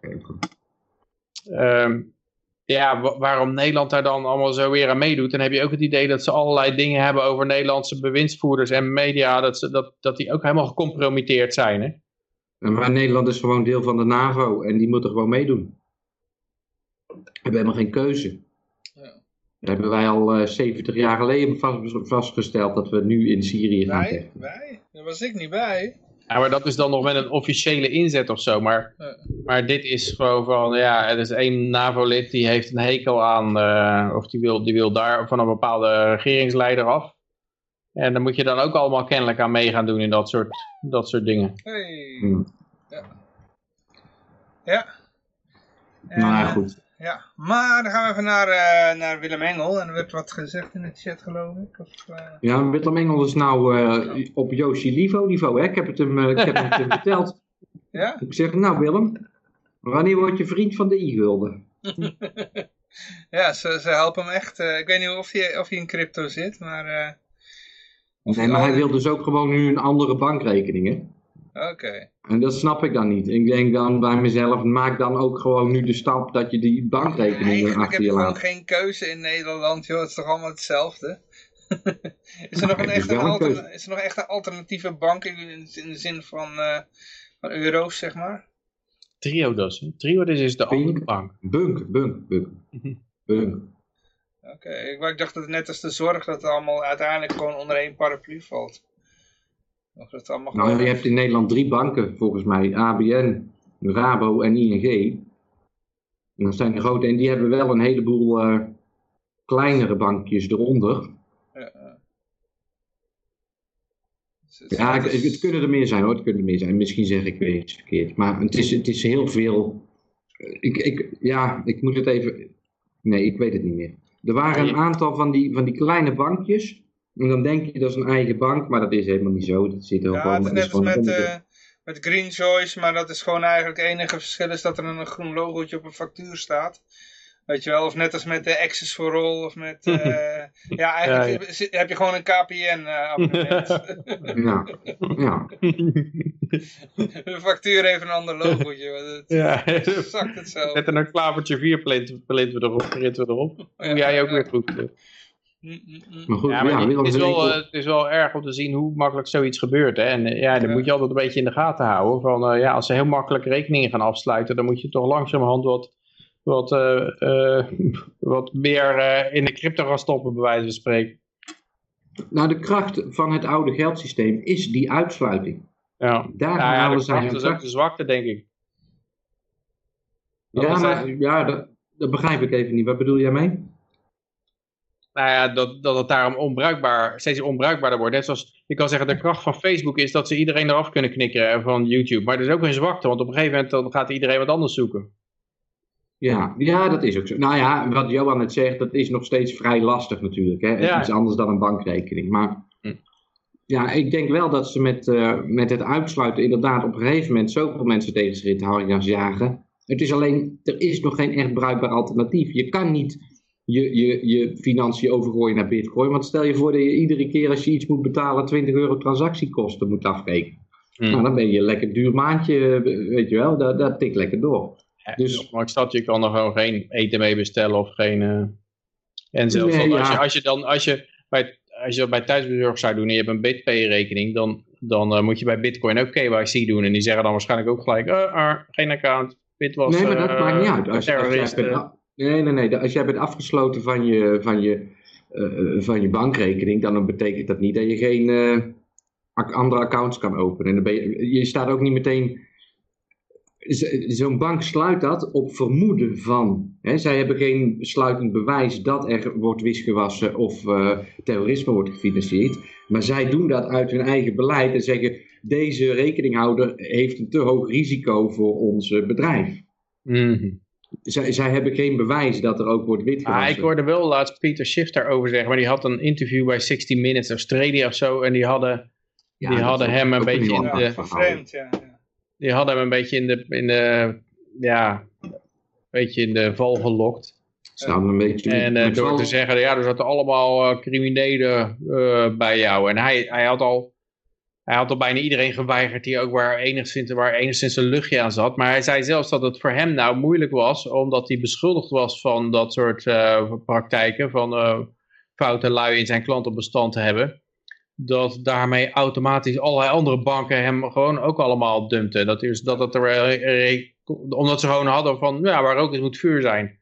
Terwijl, er was helemaal niks van waar, hè? Dat is, eh, Nee, nee, maar hij zei, het maakt, en maakt helemaal niet uit. En hij is niet eens meer CEO van die bank. Hij, eh, hij heeft die bank ooit opgericht. Dus hij had er zelf al niks mee te maken.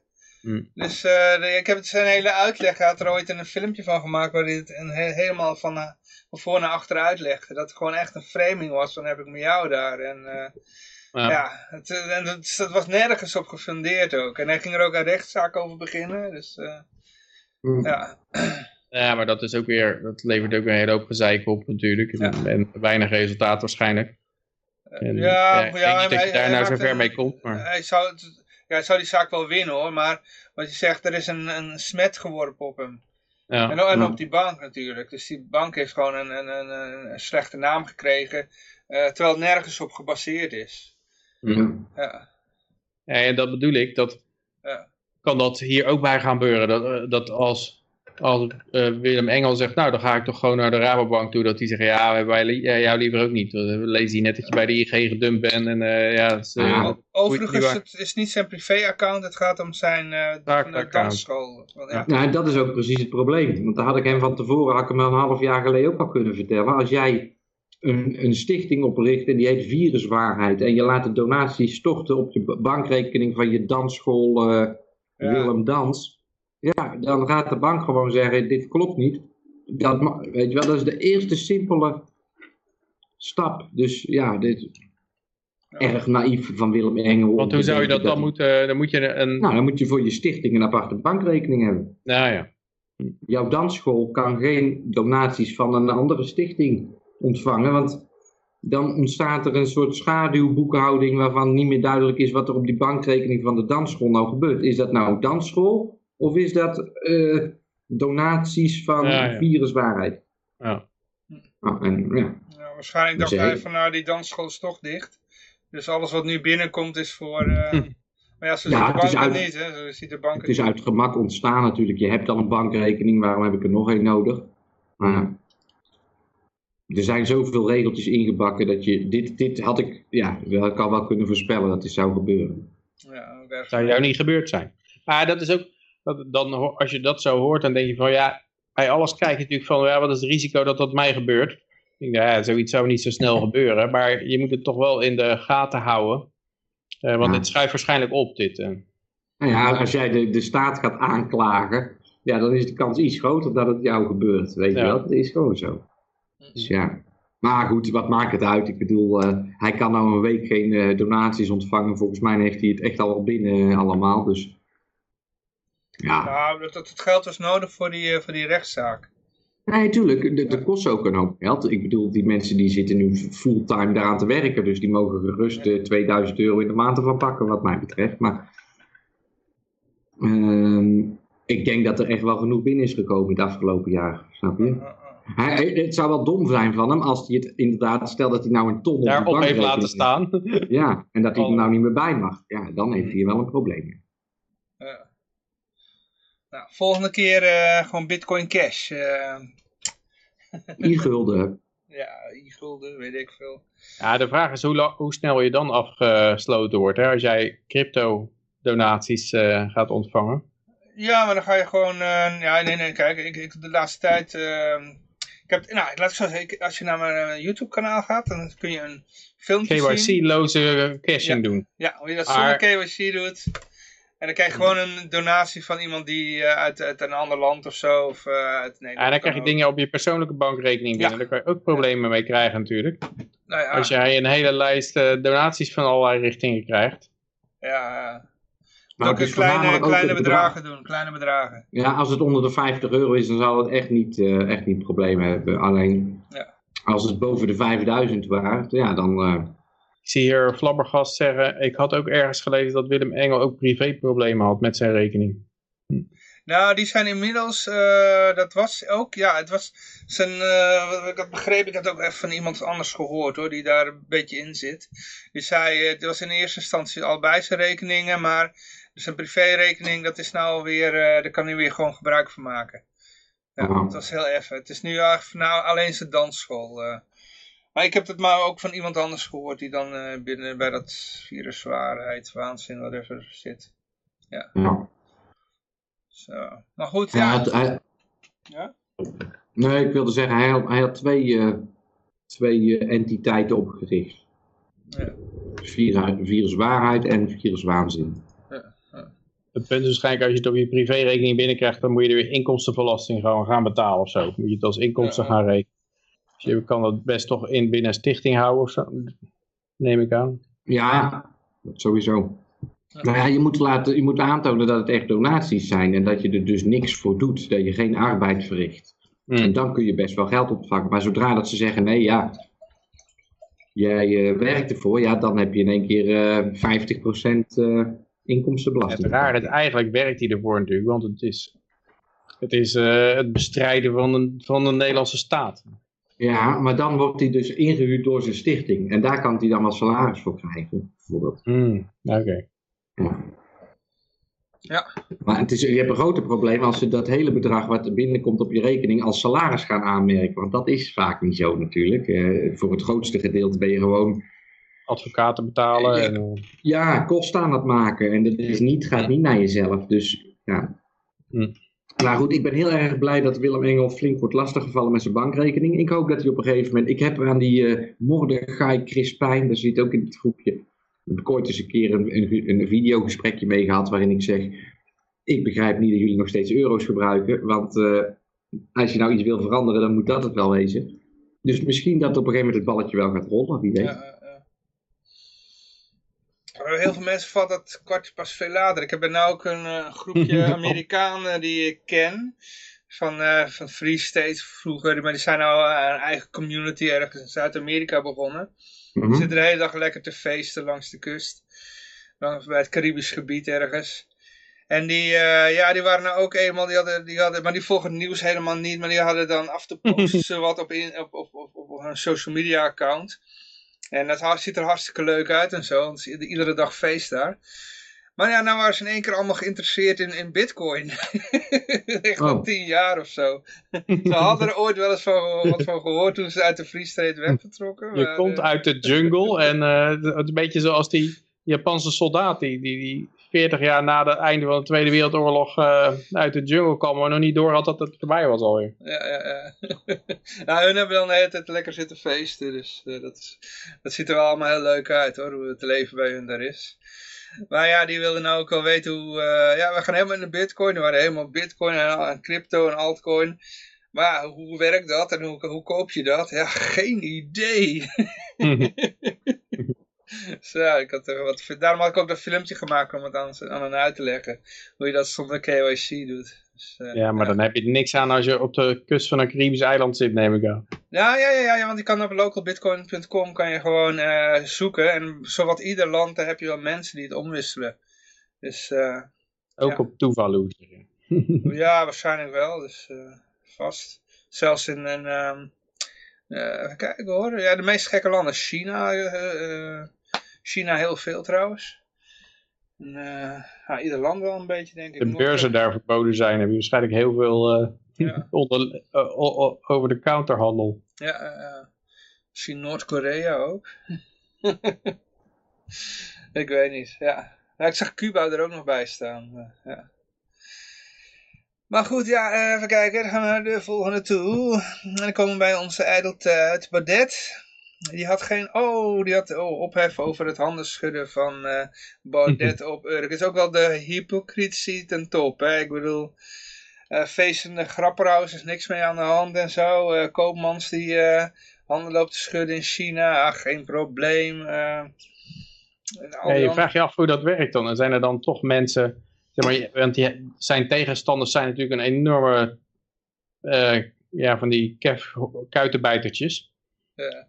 Zou het dan toch zijn dat die, dat die massaal de politie gaan bellen... en dat de politie daar dan maar actie op onderneemt? En bij Ver- Vert Grapperhaus dat niemand dat doet? Of is er, Nee, komt dat ik denk vanuit dat de deep state zelf? eh? Ja, ik denk dat dit net als bij de vervolging van Wilders gewoon eh, wordt gezegd van, oh kijk, hij doet iets verkeerd, we kunnen hem pakken. En of dat dan, eh, eh, hoe heet die, Grapperhaus zelf naar de politie belt, of dat het echt een burger is. Ik denk persoonlijk dat het gewoon een van zijn politieke tegenstanders is die daar... eh, Ja, er zijn zat van die eh, zombies die dat, eh, die dat gewoon vrijwillig doen hoor. Die, die zien dat en die bellen meteen. eh, Maar reageert de politie daar dan ook op? ja, Nou, precies. niet. Ja, het zijn allemaal VVD'ers daar bij de politie. Hè? Dus, eh, ze wil weten waar die stemmen van de VVD vandaan komen. en, en, de, en de PVV trouwens. Ja. Dus, eh, Het is een keuze van het OM om te vervolgen. En dat is volgens mij toch wel politiek eh, beladen. En ook als de- mag dat eigenlijk niet zo wezen. Ja, dat bij Wilders ook, ja. OM maakt een keuze. Gaan we Baudet wel of niet vervolgen voor het schudden van handen? En Ja, het, is, kennelijk... het is natuurlijk alleen maar publiciteit voor, want ik denk dat een heleboel, dat als je dat gaat doen, dat mensen eh, echt eh, in grotere getalen gaan wakker worden. Van, eh, er wordt iemand vervolgd voor het schudden van handen. En eh, eh, Johan die kijkt van wakker worden, dat kan ik me echt niet voorstellen. Die kunnen nergens van wakker worden. Maar, misschien ben ik te optimistisch, maar ik maar- zie nu al voor dat ik zo'n boomer heb. En terecht dat die Baudet is aangepakt. deze grote Ik misdaad ga aan nu op, gesteld echt op Grapperhaus stemmen hoor. Ah, het kan natuurlijk, ik kan ook niet helemaal inschatten hoe insane de Nederlandse bevolking is, maar eh, het is denk ik wel zo dat, dat, ehm, dat op het moment dat er bij deze, deze ingebroken wordt en de politie komt niet langs, dan zou het toch eens kunnen zeggen, hé, hey, ik kan wel iemand vervolgen voor handen schudden, maar eh, een inbraak eh, of mijn dochter wordt lastiggevallen en eh, je bent nergens te vinden. Nee, er moet meer blauw op straat. dat komt door al Het die bezuinigingen op de politie. Het zou allemaal kunnen, maar je ziet dit wel, dit mechanisme zie je wel ook in de VS gebeuren. Dat ze echt, Trump wordt vervolgd voor het gebruiken van het woord we must fight. eh, eh, terwijl, en ja, als je kijkt wat er bij die BLM-protesten gebeurde en wat er bij januari 6 gebeurde, is natuurlijk helemaal niet in verhouding. Dus het hele rechtssysteem is inderdaad helemaal scheef. En ik zit nou zo'n boek te lezen van eh, Hannah Arendt over The Origins of Totalitarianism. En daar wordt dat, zij beschrijft dat in de jaren 30 in Duitsland, dus daar is de Godwin weer. Eh, ja, die daar, één keer gevallen. waren. Eén keer is genoeg, vind ik ook, hoor. Ja, maar We kunnen die, nu eh, al de hele tijd over Hitler gaan praten. ja. Maar die beschrijft daarin dat ook daar eh, de, de, volgers van, van Hitler, die deden allemaal eh, ja, misdaden à la het vermoorden van wat, wat ja, middelbare functionarissen, zeg maar niet topfiguren, maar een beetje in het midden. Waaruit de, het publiek moest het concluderen dat het gevaarlijk was om zelfs maar lid te zijn van een partij die oppositie voerde tegen de Nationaal Socialisten. En, ehm, en de rechters die vervolgden dat bijna niet. De rechters waren heel erg asymmetrisch daarin. Dus de rechters die, die, die zeulden heel erg mee met van uh, ja, de, uh, dit is gevaarlijk. De, deze groep is heel machtig. Heeft heel veel frontorganisaties die, uh, die van alle kanten druk uitoefenen. Wij kunnen er maar beter niet tegen ingaan, want dan word je kapot gemaakt. Dus die rechters die, die gingen eigenlijk mee met, met de rest van de samenleving. En, en in Amerika zie je dat eigenlijk ook, dat die hele samenleving is woke links geworden. En die rechters die, die gaan daar ook heel erg mee. En als je daar tegenin gaat, nou, dan is je kostje niet gekocht.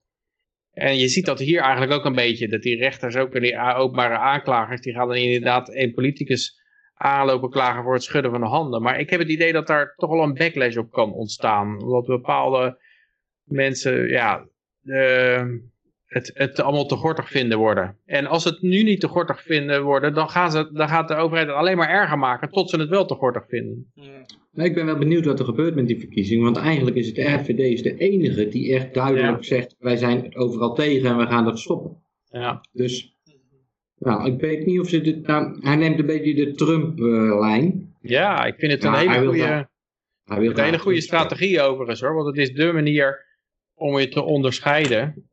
Want ja. dat is het enige wat mensen nou het idee hebben dat er wat te kiezen valt. Uh, A, het, het, het, het Thierry Baudet of het, of het restje eigenlijk. Ja. En uh, ik bedoel, de Libertaire Partij is ook wel uh, tegen al dit soort dingen natuurlijk. Maar ja, die, die zitten waarschijnlijk nog niet zo... Ja, er loopt Ah. nog niet zo heel veel kans op een zetel. Die hebben gewoon niet hetzelfde draagvlak. Libertaire Nee, maar, Partij, maar ik denk de is manier om, om eh, je in de kijker te spelen is wel op deze manier trollen, zeg maar. Dat is eigenlijk, Trump deed dat ook, dat trollen van de media, die geven dan heel veel negatieve aandacht, maar dan krijgen mensen wel het idee van, eh, of een gedeelte van de mensen zal wel het idee krijgen van, oké, ik snap wat de keuze is, of ik krijg die woke shit, of ik krijg deze lui. En een heleboel mensen die zeggen, ja, doe mij maar woke shit. Maar eh, ik denk dat ook mensen Maar je hebt Eh, toch, ook- je hebt ook nog- zeggen, Ja, ik wil nog... Oh nee, maak je zin af, af, sorry. Nou, dat ze ook zeggen van, eh, ja, eh, ik heb genoeg gehad van die, van die terreur van dit soort mensen die, ja, die een beetje van het padje af zijn. Maar wat ik wilde zeggen, maar je hebt ook nog een paar afsplit, afsplitsingen toch van Forum voor Democratie? Ja, Haga of zo is dat, die, die ja, komt er die en uit? ja, ja, één of zoiets. Hm. Ja. Oh, weet Nou ja, ze zijn al uit elkaar gespeeld in feite. Het is natuurlijk ook zo, dit soort toko's komt altijd enorm veel druk op te staan. Ja. Dat zag je bij Pim Fortuyn gebeuren en dat zie je hier gebeuren. En je zag bij Trump gebeuren dat, er, dat ze alles wat tegen die, die trend ingaat om het maar weer te verlinksen en verder op te rekken. Ja. eh, en de overheid groter te maken, die krijgt een enorme tegenwind te verduren. Ja. Eh, maar ja, daar moet je eigenlijk gebruik van maken. Dat je gewoon, eh, gewoon steeds... eh, en het maakt niet uit dat de media steeds zegt... Oh, nou is het afgelopen. Dit, nou is hij echt te ver gegaan. Hij heeft handen geschud op Urk. Dat is niet zo. Dat zag je bij Trump ook. eh, al die media zitten allemaal... Oh, this is the, end, the beginning of the end voor Trump. En uh, the walls are closing in on. En elke keer was het al die media in lockstep. Die gingen allemaal zeggen van... Nou, nou, nou zijn de grab them by the pussy tapes uitgekomen. Nou is het afgelopen met hem. En, en. Steeds was dat niet het geval. Dus je, je moet daar niet te bang voor zijn. Ja, want volgens mij is de, de dood van, eh van Forum voor Democratie al ik weet niet hoe lang afgekondigd. Hè? En, eh, Ja, net zoiets als de dood van, net zoiets als de dood van bitcoin. Zeg maar. Dat is ook, eh, dat is ook steeds weer, ja, nou is het afgelopen. Nee, nou, is de, nou is de bubbel het gebarsten. einde, Nou, je gaat hier niet meer Dit is het bovenop einde, komen. Ja, goed. Dat, nog ga ik het- niet op hem stemmen verder hoor. Dus ik, eh, ik ga hem verbranden met een stempas. Maar, eh, en ik heb trouwens, ik ben al geen vrienden meer met hem. Ik, ik was vrienden op Facebook met hem heel lang geleden. Toen hij nog dat eh, anti-EU project had, geloof ik. Hm. Dus, ja, eh, van, uit die tijd ben ik ook nog vrienden. Maar ik ben nog wel steeds vrienden geloof ik. nou, hij begon op een gegeven moment heel rare dingen te doen. Over dat, dat kinderen op school geïndoctrineerd moesten worden met de, Nederlandse cultuur. En dat vond ik ja toch een beetje geestelijke Mhm. pedofilie. Dus eh, laat, laat die kinderen gewoon maar rust, politicus. Dus eh, dat bepalen de ouders wel. ja. Ja. Dus, eh, Ja, ik denk dat we dat overigens wel dat dat heel erg aan, eh, aan kan slaan, dat Nederlandse cultuur. Want dat zijn natuurlijk, er zijn natuurlijk een hoop mensen die heel bang zijn dat je de Nederlandse cultuur, dat ze op een gegeven moment vreemd in hun eigen land worden. Die zijn, er, die zijn er gewoon heel veel, dat soort mensen. maar weet je, Zeker al- weten. alles wat we als typisch Nederlands eh, zien, dat is al eh, geïmporteerd uit andere landen. Dus, eh, Ja, dat maakt niet uit. Die- de- dit soort mensen zijn er. Ja, ja, Zeker ja. weten. die zien windmolens als Nederlands, Delfts Blauw als Nederlands. Hé, komt uit China. Ja. Nee, nee, nee, dat is echt Nederlands. Wij hebben naar China geëxporteerd. ja, is- Ja, nee, maar je kan eh, ook dat soort dingen. Het maakt niet uit hoe dat precies zit, want, want mensen die hebben gewoon dat sentiment. Eh, er zijn gewoon veel mensen die dat sentiment hebben. Net zoals bij, bij de Amsterdammertjes in Amsterdam, die paaltjes. Toen, toen die neergezet werden, toen was iedereen fel tegen, want het was eh, vreselijk en er reed je auto tegenaan en zo. En, eh, en nou wilde de gemeente ze weer weghalen. En dan was er weer erg. Ja, typisch Amsterdamse, dat kan je toch niet weghalen. Jullie hebben. Zwarte Piet al van ons afgepakt. Net zoals natuurbehoud. Dat is ook heel vaak het is een natuurlandschap. Wat gewoon helemaal, ja, helemaal niet, niet van origine Nederlands is, zeg maar. Wat, wat, wat niet origineel is, dat is dan een veenlandschap of zo. Dat is ook maar in eh, 1800 uitgegraven. Of, eh, ja. of eh, dat is dan, het is niet oer-Nederlands. Het waren waarschijnlijk gewoon allemaal bossen die er toen hier stonden. Maar ja, een bepaald tussenstation kan opeens een, een soort ja, bakermat worden of zo. Van dat is zoals het hoort te zijn. En zo moet het vastgevroren worden. En dat is de Nederlandse overheid, is dat met de natuur eigenlijk aan het doen. Het moet allemaal zo bevroren worden zoals het nu is, ook als dat niet zo is als het origineel was. mooiste verhaal van, van die korhoenders. Eh, ik was een keer met een groep jagers in, in, Noor- in Noorwegen. En nou ja, we hadden geprobeerd een hert te vangen, nou was het niet gelukt. En eh, toen gingen we maar uit ellende wat vogels schieten. En eh, nou ja, toen kwamen we met... eh, ja, ik heb in ieder geval niks geschoten trouwens hoor. Ik kon niet eens een kluiduif eh, raken, maar...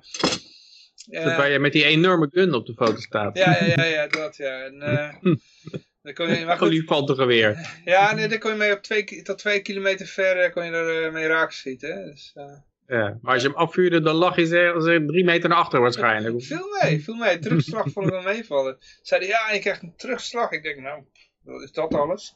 Maar eh, in ieder geval, dat ding had een, maar er zat een visier op en een geluidsdemper. En die is in die uitvoering is die in Nederland officieel verboden, maar daar is die officieel verplicht. Maar eh, goed, anders ik, wijd ik te veel uit. Maar dat is omdat Heeft anders- iedereen zo'n gun in huis, verplicht? Nee, nee, als je moet jagen daar, in die streek. Omdat daar loopt een spoorlijn. En als je dan zo'n kudde herten hebt en die, eh dan schiet je op, dan, eh, dan, dan slaan ze op hol, hè, als die knal te groot is. Mhm. En dan slaan ze op drift en dan kunnen ze niet meer stoppen. En als daar toevallig een trein aankomt, dan eh, ja, rennen ze daar gewoon eh, tegenaan.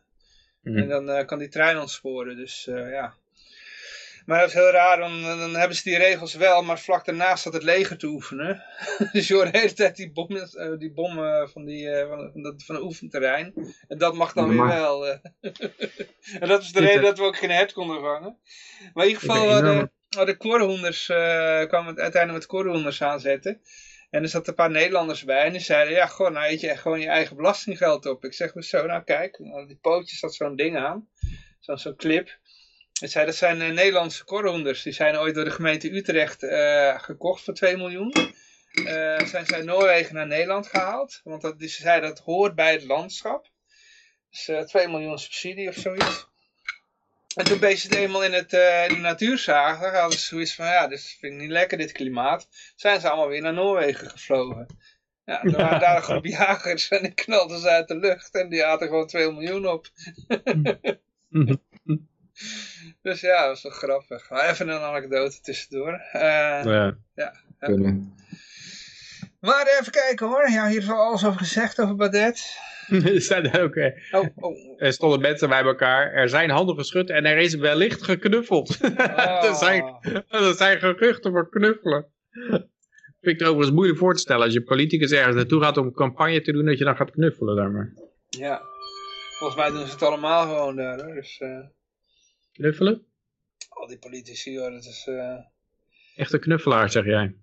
Ja, dat, op zo'n campagne. Ik denk, ik denk echt niet dat ze er allemaal heel krampachtig twee, eh, anderhalve meter uit elkaar gaan staan. Dus eh, ja. Ja, maar knuffelen, dat is toch wel iets... Ja, dat doe je meer met mensen die wat meer bekend zijn of zo.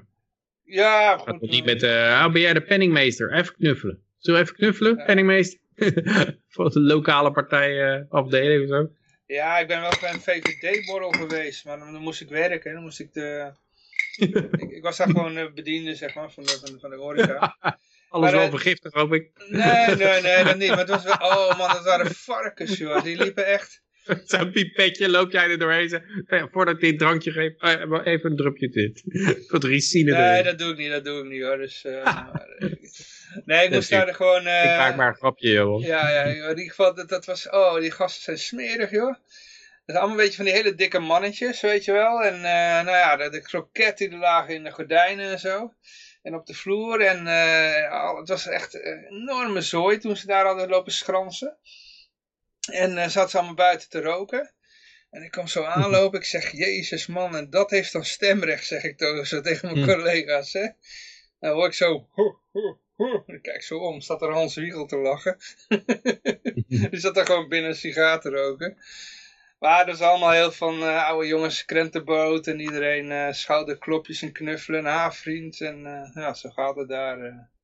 Ja, het is wel apart dat, dat er vaak een bepaald postuur en een bepaald mens bij een bepaalde partij hoort, lijkt het wel. Hè? Dat, dat VVD, als je dan zegt, dat zijn allemaal een beetje corpulente frikandellenvreters met... dan, en een sigarenrokers, dan kijk je daar niet echt van op. Zeg maar net, net zoals je bij PvdA een beetje, beetje tengere uh, ziekenfondsbrilletje, uh, rancune, Ja, brok, brokachtige figuren. Die. Verzuurde mensen. Ja, verzuurde mensen inderdaad. Wat van die frekte jongens. ja. En dan hebben jullie eindelijk jullie eh, linkse dromen waar kunnen maken, weet je wel. Dan zijn jullie nog niet tevreden. Ja, nee, maar goed, hè, we gaan even verder. Nee, maar als je die mensen vraagt, dan... Ik hoorde laatst ook zo'n videootje van zo'n linkse figuur. En die, die beargumenteerde uh, dat, dat het alleen maar rechtser was geworden de afgelopen decennia. Het was gewoon één grote opschuiving naar rechts geweest. Ja. Het, zat op alle terreinen voor, verloren. Het is al ongelooflijk hoe je daar naar de realiteit kan kijken en dan tot die conclusie kan komen. Ja. Ja, ik heb ook van mensen gehoord die bij de PvdA hebben gezeten. Die zeggen ook van als er zo'n ALV daar was, dat was gewoon één grote veldslag. Hè? Je hebt daar Hmm. allemaal fracties die het gewoon niet met elkaar eens zijn daar binnen de PvdA. Dus, uh... ja, heb je dat bij veel gebieden wel. Dat heb je zelfs bij Bitcoin en bij... Uh, maar ik denk dat ja, dat soort partijen... Ze hebben natuurlijk rood, de partij van de... De kleur van de Partij van de Arbeid, dat is natuurlijk de, de kleur van bloed eigenlijk. Het is de revolutie. Het is, en, en bloed betekent gewoon, ja, je moet bloed vergieten om je, om je, en dan moet je niet schuwen ook om je doel te bereiken. Ja. En dat is, uh, ja, dat, dat, dat leidt er ook toe dat zo'n partijcongres natuurlijk niet gezellig wordt. Nee. nee. Maar even kijken, um, even kijken, oh ja, over links gesproken, Halsema, die wil uh, ook online de railschoppers de pas kunnen snijden. Ja. Dus binnenkort krijgen we gewoon Femke in ons uh, Telegram groep. ja, ja. Hallo Femke. Ja, nou, maar ik, ik persoonlijk denk ik al wel dat uh, Femke in, in, in een Telegram groep actief kan zijn, om eerlijk ja, te zijn. Ja, maar nu wil ze er dus ook op kunnen handelen. Dus nu, nu al die informatie die ze zien, daar kunnen ze niks mee. En zij wil er nu wel iets mee kunnen. En dan zeg je dus in het Telegram kanaal van Vrijheid Radio, zeg je Femke Halsema is... Uh, is een landverrader en dan word je gewoon voor... Uh, uh, dan komt er zo'n bij je langs met een pistool. ja. ja. maar hoe wil ze dat dan doen? Kan ze dan, uh, dan moet ze dus data van, van Telegram kunnen krijgen van welk telefoonnummer bij welke username hoort of zo.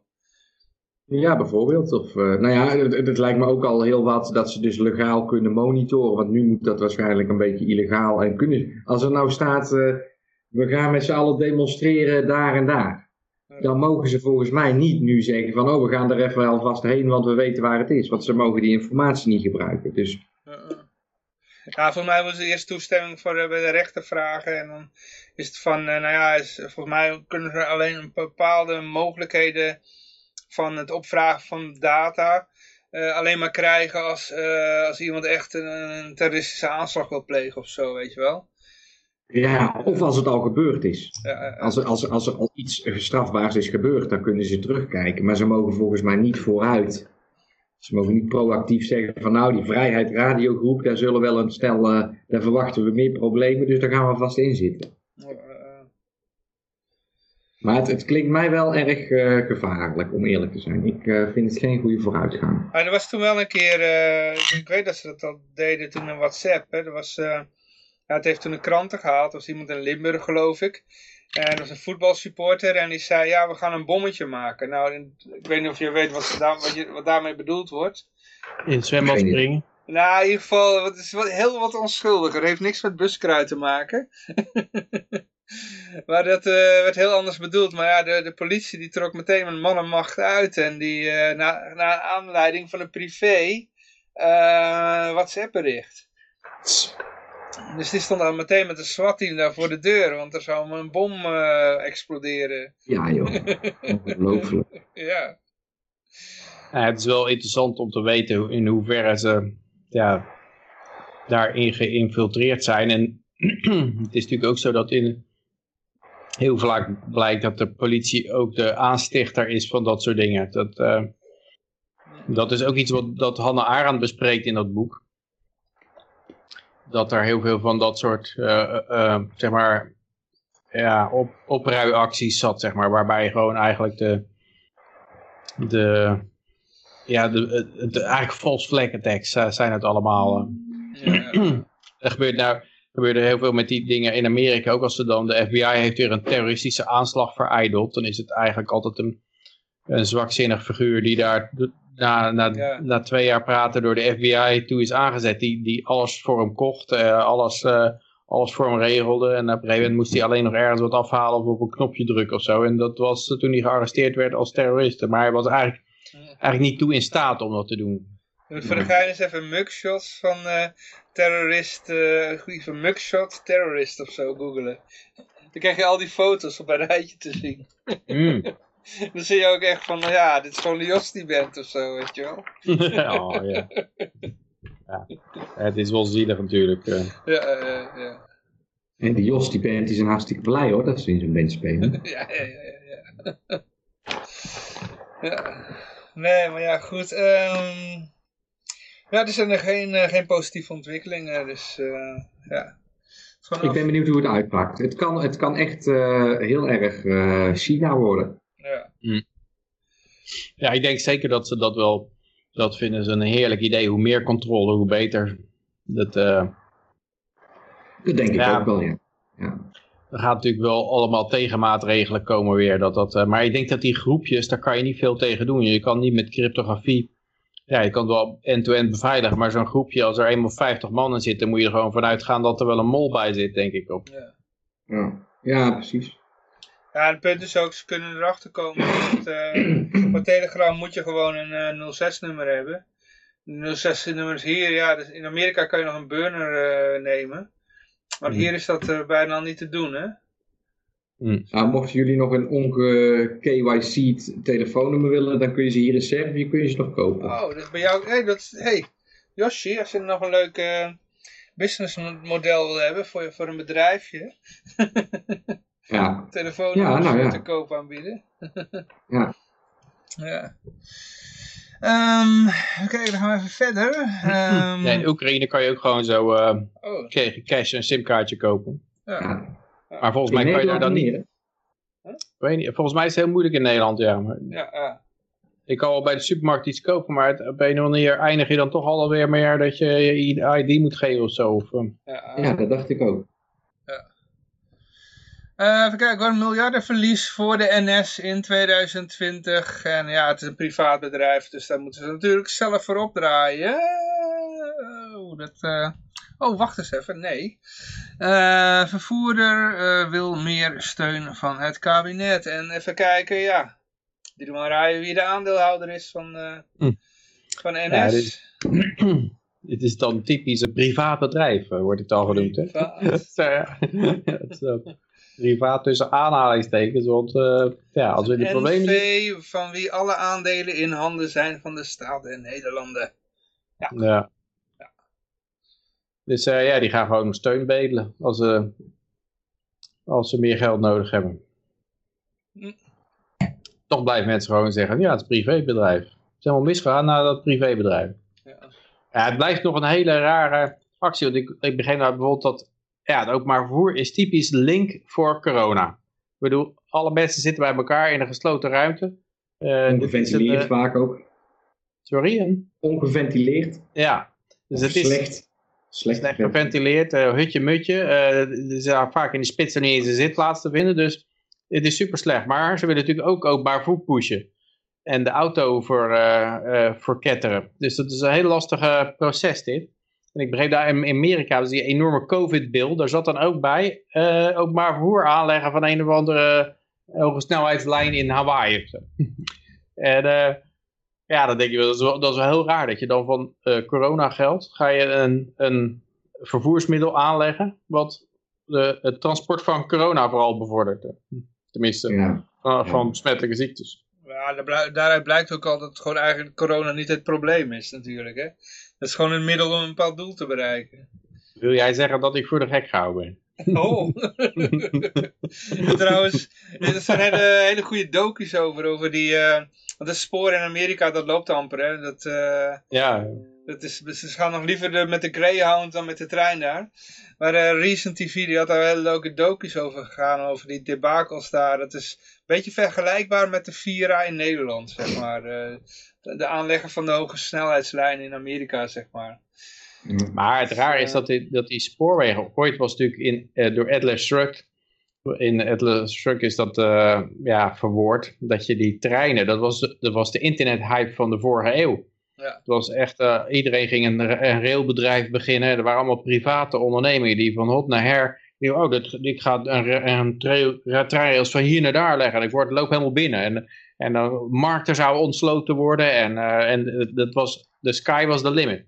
En wat natuurlijk gebeurde is dat, dat aan het eind barstte die bubbel. Want de beloftes die waren allemaal wat minder ver dan, eh, dan de realiteit. En toen heeft de staat het allemaal bij elkaar geveegd in de Nederlandse spoorwegen. Nou, het is anders gegaan. Het is de, de next, kijk, de, dat waren we, nou ja, sowieso had je in Nederland gewoon de Nederlandse eigen spoorwegmaatschappij. Dat was gewoon een, ja, een privaat bedrijf die gewoon een monopolie had gekregen. En in België en andere delen was het wel, eh, had je wel kleine eh, maatschappijtjes, geloof ik. Maar in Nederland was het gewoon al een Nederlandse eigen spoorwegmaatschappij. Maar de nekslag van de, van die hele, want dit was een lange tijd was het eh, lucratief en maakten veel mensen er gebruik van. Maar de, de nekslag was de, de opkomst van de automobiel. Maar ik begreep dat bijvoorbeeld de reden dat je in, in Den Haag Hollandse Spoor hebt eh, en Den Haag Centraal, dat komt gewoon omdat Hollandse Spoor was een andere maatschappij. Oké. Die hadden daar een ander station eh, eh, Dus volgens mij is dat wel degelijk. Maar zeker in Amerika was het zo. En toen ging de staat zich daarmee bemoeien. En toen kreeg je allemaal van die dingen van je werd per meter betaald. Dus dan gingen ze hele lange trajecten maken. Allemaal enorme omwegen. Omdat je subsidie per meter kreeg. Dus toen sloop de inefficiëntie erin. En eh, ja, moet je je voorstellen dat je in zo'n treinrail, trein zit. Dat je denkt, waarom moeten we in hemelsnaam enorme slingers maken? Ja, dat komt dus allemaal door je subsidieerde belastinggeld. ja, ja. En eh, ja, dat is uiteindelijk ook boom bust. En ik denk dat dat, eh, ja, dat zou me niet verbazen als het met internet ook gebeurt. Zeg maar, dat, dat enorme kredietcreatie, dan krijg je een enorme bubbel. En over malinvestments. En als het dan in elkaar ploft, dan kan je het eh, oprapen, al die bedrijven, voor eh, pennies onder dollar. zeg. Ja, ja. En als je, zeker als je geldpers hebt. Dus dan, eh, ja, het zou me niet verbazen dat als, als je zo'n zo'n enorme boom wil nationaliseren, dat je dat zo doet. Gewoon een heleboel geldcreatie, een heleboel kredietcreatie, alles opblazen. Dan zet je de cre- geldcreatie uit, dan ploft het allemaal in elkaar, want iedereen heeft verkeerde berekeningen gemaakt.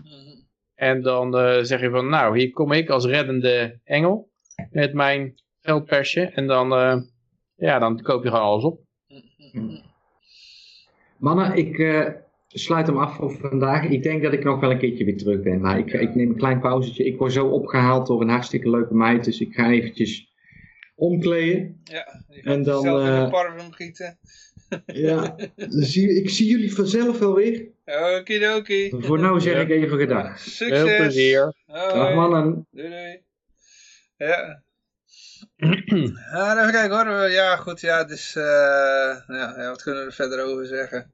De NS heeft al 2,3 miljard aan coronasteun ontvangen van de Nederlandse en de Britse overheid. Dat is ook Oh, apart dat ze van de Britse overheid ook krijgen. Ja, ze hebben geloof ik in, in, in Groot-Brittannië ook nog wat eh, lijntjes lopen. Hm. Dus eh, ja. Het, eh, 2,6 miljard in het rood maakte het spoorweg. eh, terwijl NS Vastgoed is weer een van de rijkste ondernemingen in Nederland. Dus, eh, ja, dat is altijd vastgoed op papier. Hè? Nou, nou vraag ik me af als je nou heel veel van die kantoorruimtes hebt. ja, ja, ja. ja. Is- dat te vergelden? Want misschien is het wel vastgoed, is gewoon een oppervlakte waarover een spoor loopt en een stations en zo. Die kan je natuurlijk niet verkopen. Ja, ze hebben al die, die grote pan eh, rond, rondom eh, Rotterdam Centraal. is allemaal NS-terrein, Waar Hmm. eh, dat gebouw van Nationale Nederlanden staat en zo. Dus eh, ja. NS-eigenaar van Nationaal Nederlander gebouw? Nee, nee, dat eh, stukje grond waar het op staat. Dus eh, al die, die grond eromheen, dat, is, dat, dat vangen ze van geld op. En ik, heb, Dus- ik weet nog wel dat ze... Dat gepand of zo. Nationaal Nederlander heeft dat gepand van de ik zou het niet weten. Ik heb het ook maar van iemand gehoord hoor. Dus. Ik zou niet graag een enorme kantoorflat neerzetten op een gebouw van de eh, grond van de NS. En dan, dan afhankelijk zijn van wat zij bepalen dat de, dat de, dat de pandrecht is. eh, Het is mij ook maar verteld. Maar misschien dat er een constructie is eh, waar, ze allemaal beter van worden. Dat weet ik niet. Zeker op het moment dat ze 3, 3 miljard nodig hebben. Of 2,3 miljard. Ik weet nog wel dat als je dan zo'n kioskje had, maar dit is ook wat, wat ik nu vertel was 20 jaar geleden hoor. Als zo'n kioskje was het geloof ik, eh, de huur was 1000, eu- ja, 1000 euro per vierkante, nee, 1000 euro per vierkante meter geloof ik, ja. Wat ze per Huh? maand aan huur betaalden. Dus die Oh, kiosken gamba. en zo, hè, en die, eh die smurfs en noem maar op. Het Hmm. zal, zal nu wel nog wel meer zijn, maar eh, het was echt een enorme bedrag en dat gaat allemaal naar NS-stations. Dus, eh, ja. Ik wel apart. Er staat die extra steun is nodig om dit jaar de huidige dienstregeling in stand te kunnen houden. Dus eigenlijk zeggen ja, er zijn, steeds- er zijn veel minder mensen die kaartje kopen. En ja, daardoor leiden we extra verlies. Maar we willen wel de dienstregeling in stand houden. Maar je denkt, commercieel bedrijf, die zou zeggen... Ja, misschien moeten we wat minder gaan rijden als er wat minder passagiers zijn. Ja, ja. ja goed. eh, even kijken. Maar... En overigens, wat ik zeg even bij, dit heb ik maar van horen zeggen. Ik kan ook ongelijk hebben. Overigens wil ik nog wel even een rectificatie doen. Want vorige week had ik gezegd dat ik eh, misschien Tariq, eh, die, hoe heet het, die uh, journaalgijzelaar kende. Tariq Aziz. Tariq Aziz. Ja, zo, heette die zo? Ik weet niet of... Nee, die naam komt ergens anders vandaan. Volgens Ah, oké. mij is dat, was dat de Iraakse minister van Buitenlandse Zaken of zo. Die- Ah, oké. Ja, Tafik of Tariq of zo, ik weet niet meer. Maar in ieder geval, er zijn meer hondjes die Vicky heten. En ik heb ooit een keer een gast tegengekomen. Die liep toevallig ook in zwart-wit, net als eh, hij. En dan een beetje hetzelfde hoofd, hetzelfde bril op. En die heette ook Tariq. Dus ik dacht van, hé, hey, dat zal misschien wel die eh, journaalschutter zijn. Maar hij heeft nooit letterlijk tegen mij gezegd... Hé, hey, ik ben een journaalschutter. Weet je, ken je mij nog van tv? Dat heeft hij nooit gezegd. Dus het was eigenlijk heel schuchter bij deze mannetje. Dus... eh, Ja, journaalschutter gaat ook wat ver, want hij heeft gewoon niet geschoten. Nee, nee, nee, maar zo is zijn bijnaam, hè. Of Journaal Ja? Gijzelaar, Journaal Gijzelaar was het, hè. Ja, sorry. Ja, dan heeft hij ooit wel eens mensen gegijzeld dan ook, dat is ook te vragen. Ja, goed, in ieder geval heeft zo'n nickname, dus zo wordt hij genoemd. Hmm. Zo is hij in de sociale media gekomen. En eh, nou ja, ik heb nog even opgezocht wat nou zijn, eh, waarom hij dat deed. En dat was omdat hij het niet eens was met het monetaire systeem. Ja, dat zei je vorige keer ook al, ja. Ja, ja, dat was de reden. Dus daar wilde hij over praten. Ja, dat is een broeder, die zit in ons hoek. Ja, misschien luistert hij wel. Nou heeft hij vorige week mij dit horen zeggen. En dan denk ik, potverdorie jongen, ik ben je nooit tegengekomen, jongen. Iemand eh, die met de eer wegloopt. eh. Ja. En daarnaast ik las dat hij uit Pijnakker kwam. En deze gozer kwam uit omgeving Utrecht. Dus toen dacht ik Ja, van, dat ja. zou ik er misschien moeten kunnen kennen. Ik ben geboren in Pijnakkert. Oké, oké. Ja. Maar waar ligt het eigenlijk? Rotterdam of zo? Ook bij Delft. Delft, oké. Oh ja, en hij studeerde aan de TU in Delft. Ja. Oh, jij ook. Ja. Ah, ah. Hm? hey, ik draag nooit een pak. Oké, Niet, niet meer tenminste. Oké, oké, oké. Ehm, even kijken, dan gaan we nou even naar de volgende toe. hey, dan hebben we alweer de trouw. Ehm, ja, veel, jongen, veel jongeren, ehm, even kijken, voor veel jongeren is democratie een vaag begrip. Ja, het is wel leuk dat ze een aantal tweede klassers hebben gevraagd. En eh, dat zijn dan 13-jarigen geloof ik. Dus 12 en 14 jaar. En eh ja, daar wist een derde niet van dat ze in de democratie leefden. 35% Oké. van de tweede klassers weet niet of ze in de democratie leven. Of denkt zelfs van niet. Mm, mm, mm. Dat is wel, eh, ja, wel apart. Dan staat 6 tot 70 procent zegt hier met de ouders maar een paar keer per jaar over te praten. Op school blijven dit soort zulke gesprekken volgens de kinderen uit eveneens 6 tot 70 procent van de kinderen geeft aan nooit of enkele keer per jaar met de leraar te praten over politieke samenleving. Nou ja, dat is op zich eh, gunstig natuurlijk. Ja. En eh, ja, ik vraag me af en toe ook wel eens af of ik in een democratie leef. Dus, eh, misschien zijn die lui wel veel slimmer dan, eh, dan je op het eerste gezicht denkt. Ja. Maar er zijn ook een heleboel kinderen die denken, ja, dat is- niet belangrijk waarschijnlijk. dat zou ook wel zwaar kunnen zijn. Dat het uiteindelijk allemaal niet zoveel uitmaakt. Dat je eigenlijk toch niks te zeggen hebt. Ja. Ja. Ja, ik vond het wel opvallende. En dan is het, is het ook nog zo, dat het zou ook wel eens interessant zijn hoe dat tussen hoger en lager opgeleid is. Op het, op het VWO vindt 71% van de leerlingen democratie belangrijk. Je ziet wel, als je hoger opgeleiden zijn vaak beter te indoctrineren. Dat is eh, ja, omdat ze gewoon meer lezen en meer, ze, ze processen meer informatie. Dus dan zijn ze ook gewoon makkelijker te pakken. Ja. En ze zitten vaak meer in abstracte ideeën te denken, wat ook makkelijker is om ze, om ze te pakken. Ja. En eh, ja, een, een VMBO'er, daar, bij VMBO is er maar 34% die, dat belangrijk vindt. En eh, ja, die, die, die zijn vaak wel wat meer, ja, gewoon realistisch. Of wat, ja, gewoon eh, van, eh, oh, dan mag ik opeens niet meer naar het café toe van de... En, de, en de VWO die zal zeggen, eh, ja, maar dat hebben we met z'n allen zo besloten. Dus eh, ja, dan moet dat kennelijk. eh, kennelijk wil ik dat. Ik weet nog wel dat ik vroeger met de LP aan het flyeren was. En eh, ja, daar kwamen wel eens handen tekort. Want ja, vaak kwamen maar twee mensen opdraven.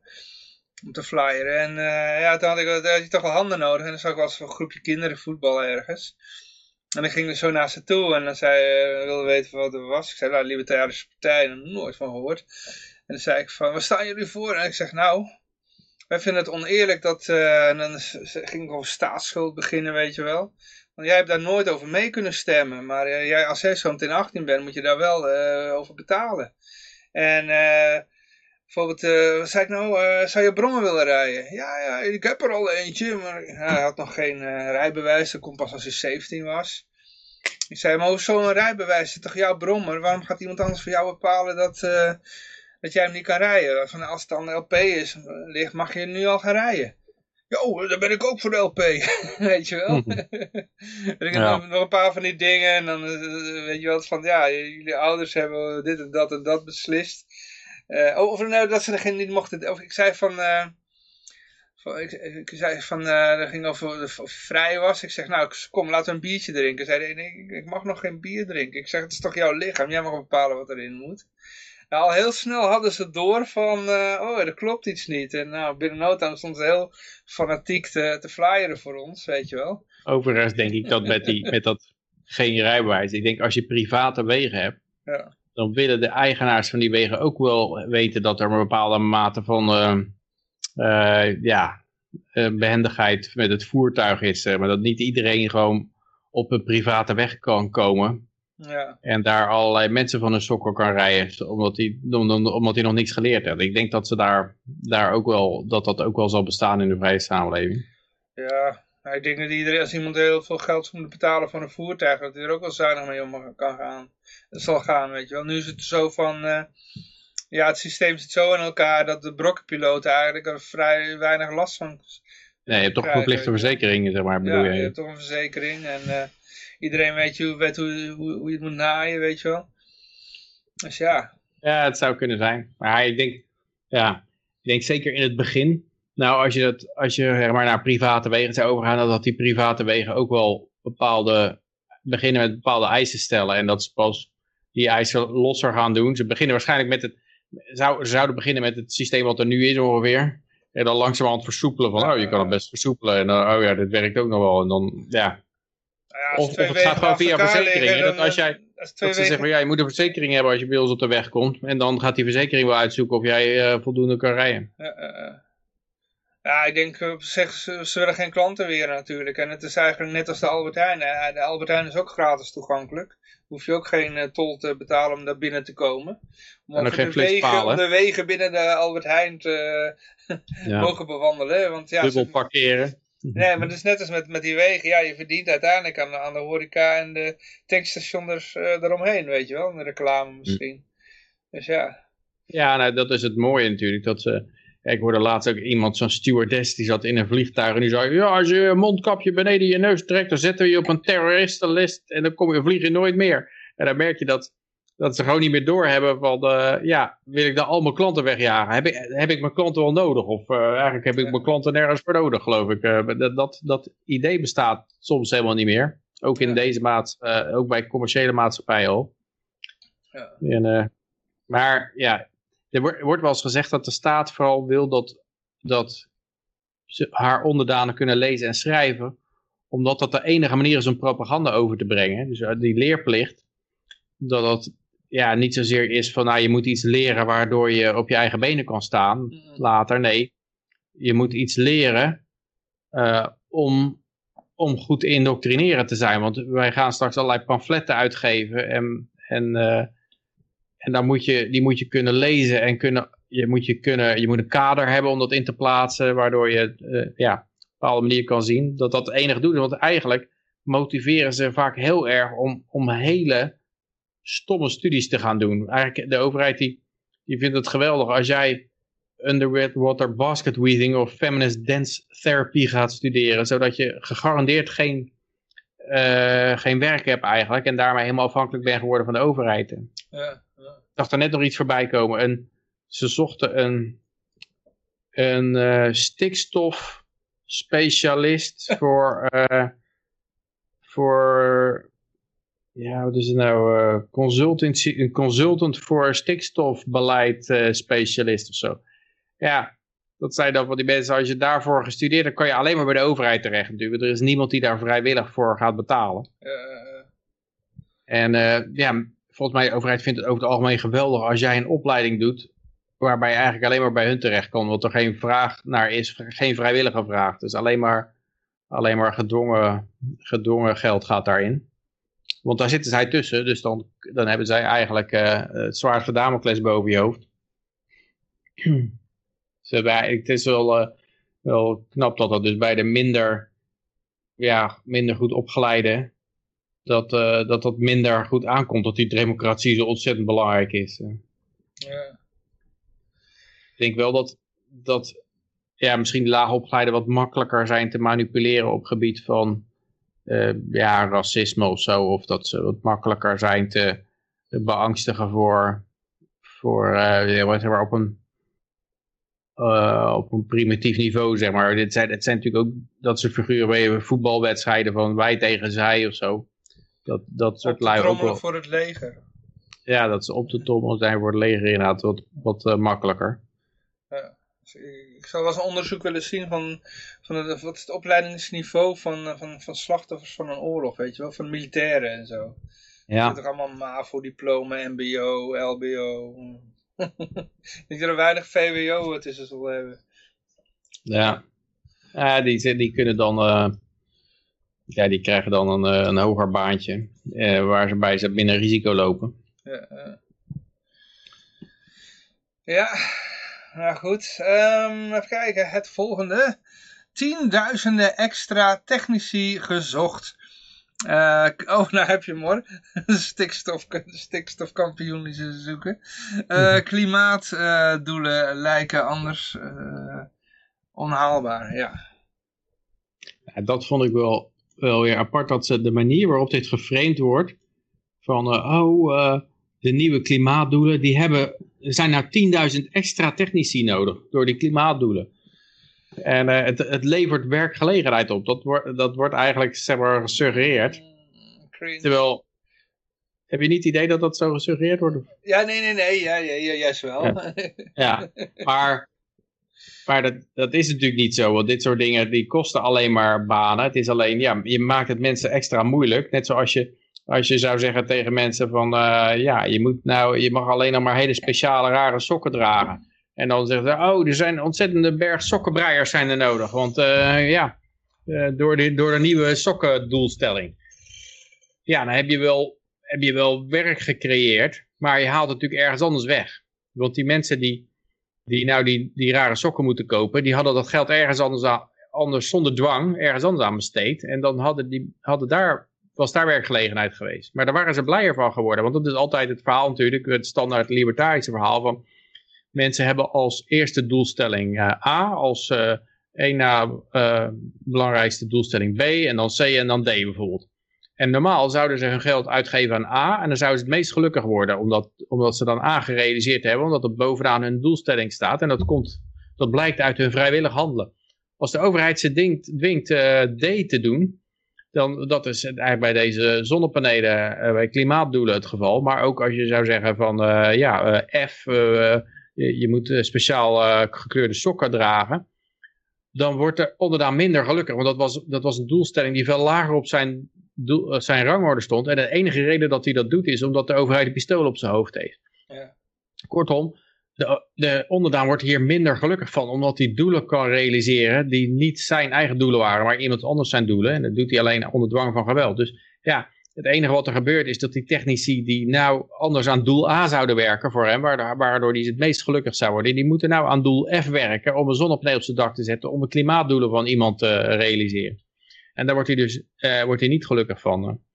Dus dat is altijd het, het, ja, het rare eraan, dat ze heel vaak doen ze dit voorstellen als van, eh, ja, het levert werkgelegenheid op. Het doet eigenlijk denken aan Bastiat. Van, eh, ja, ergens zijn de ruiten ingegooid, de, de broken window fallacy.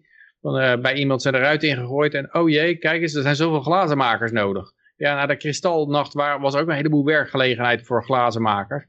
Maar eh, daar schiet de samenleving niks mee op. if- want het geld dat daarin uitgegeven wordt, dat was anders aan productieve dingen besteed. Waar mensen echt gelukkig van worden. Ja, ja, ja.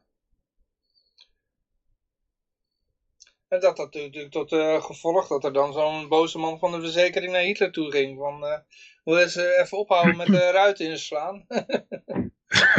ja, Waarop Hitler zijn- hem eh, uitlachte, waarop die verzekeraar, dat, dat heb je trouwens niet erbij wel, die verzekeraar is toen naar de Pruisische elite, naar de Hogenholzen gegaan, om daar Ja. zijn beklag te doen. En die kwamen toen weer naar Hitler toe en die zeiden van, wil jij wel eens even ophouden met die SA?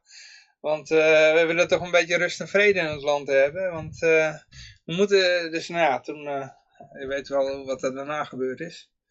Nacht van lange ja rust en vrede kwam ogenblikkelijk. Ja, ja, ja. Hij mocht wel, Nee, hij is- mocht wel Joden deporteren, maar dan moest dan eh, niemand wat van weten. Dus eh, Hm. ja. Ah, het, het hele aparte is dat, dat zo'n figuur van die verzekering die dacht van nou ik heb miljarden onder mijn beheer. Er wordt naar mij geluisterd. En Ja. dat was hij natuurlijk gewend ook. En dan gaat hij daar zo'n zo'n politieke snormannetjes toe. En die, die, die politici die geven over het algemeen niks om economie. Eigenlijk vinden ze economie gewoon een vervelende constraint. Dat er, dat er Ja. pennenlikkers zijn die zeggen van ja, je kan geen 60 miljard uitgeven. Dat vinden ze gewoon alleen maar ontzettend vervelend. En die mensen willen ze gewoon eigenlijk het liefst zien verdampen. Mhm. Dat ze gewoon die 60, dat moet eigenlijk geen, geen enkele eh, rem zijn op hun, op hun doelstelling. En eh, ja, dat was hier ook zo bij. Nee, er komt een vent mijn kantoor binnen en die, eh, die zegt dat ik geen ruit in mag gooien. Wie denkt hij wel niet dat hij is? Ik gooi gewoon een ruit in waar ik zin in heb. En, ja, eh, kennelijk had deze figuur nog wat vriendjes, dacht hij. Die, die ook geprobeerd hebben daar wat aan te doen. Maar ja, zo'n beweging, zoals die van Hitler, en dat, dat vind ik wel interessant aan het boek van Hannah Arendt ook. Dan, ja, je ziet gewoon dat dat heel moeilijk te stoppen is. Die hebben een heleboel frontorganisaties en die ander, weer achter andere frontorganisaties zijn. En er zijn een heleboel mensen bij betrokken en die proberen dat allemaal Mhm. steeds extremistischer te pushen. Hè? Dat is ook zo. Ja. Dat, dat het wordt, werd allemaal steeds naar een extremistischer eh, punt ge- geduwd. En ja, het is, het is gewoon heel moeilijk tegen te houden. Ja. Maar het is wel zo dat, eh, dat eh, Hitler had nog wel iemand boven zich. En dat was natuurlijk die Pruisische elite. Maar eh, je zag ook dat er, eh, er waren koepogingen in, in Nazi-Duitsland. En weet je waar die waren? Binnen het leger. Hm. Ja, en dat waren meestal Pruisen. eh, Dus, die zagen we Ja, maar daar zei ze ook wel, het leger was ook een beetje dwalend, zei zij toen. Want dat is natuurlijk ook, bij, ook bij Stalin was het zo. Op een gegeven moment had hij de hele legertop uit laten moorden, of de halve legertop uit laten moorden. Ja. En uiteindelijk zelfs dan degene die het uitmoorden deden, die werden dan zelf ook weer vermoord. Want eh, hij, het is continu proberen posities te, te shiften. Eh, ik, Hitler begreep, hield zich ook voornamelijk bezig met personeelszaken, begreep ik. Dat al, overal je mannetjes neerzetten. Overal dat Ja. iedereen zijn benoeming aan jou te danken heeft. En dat je overal loyaliteit eh, hebt. Ja.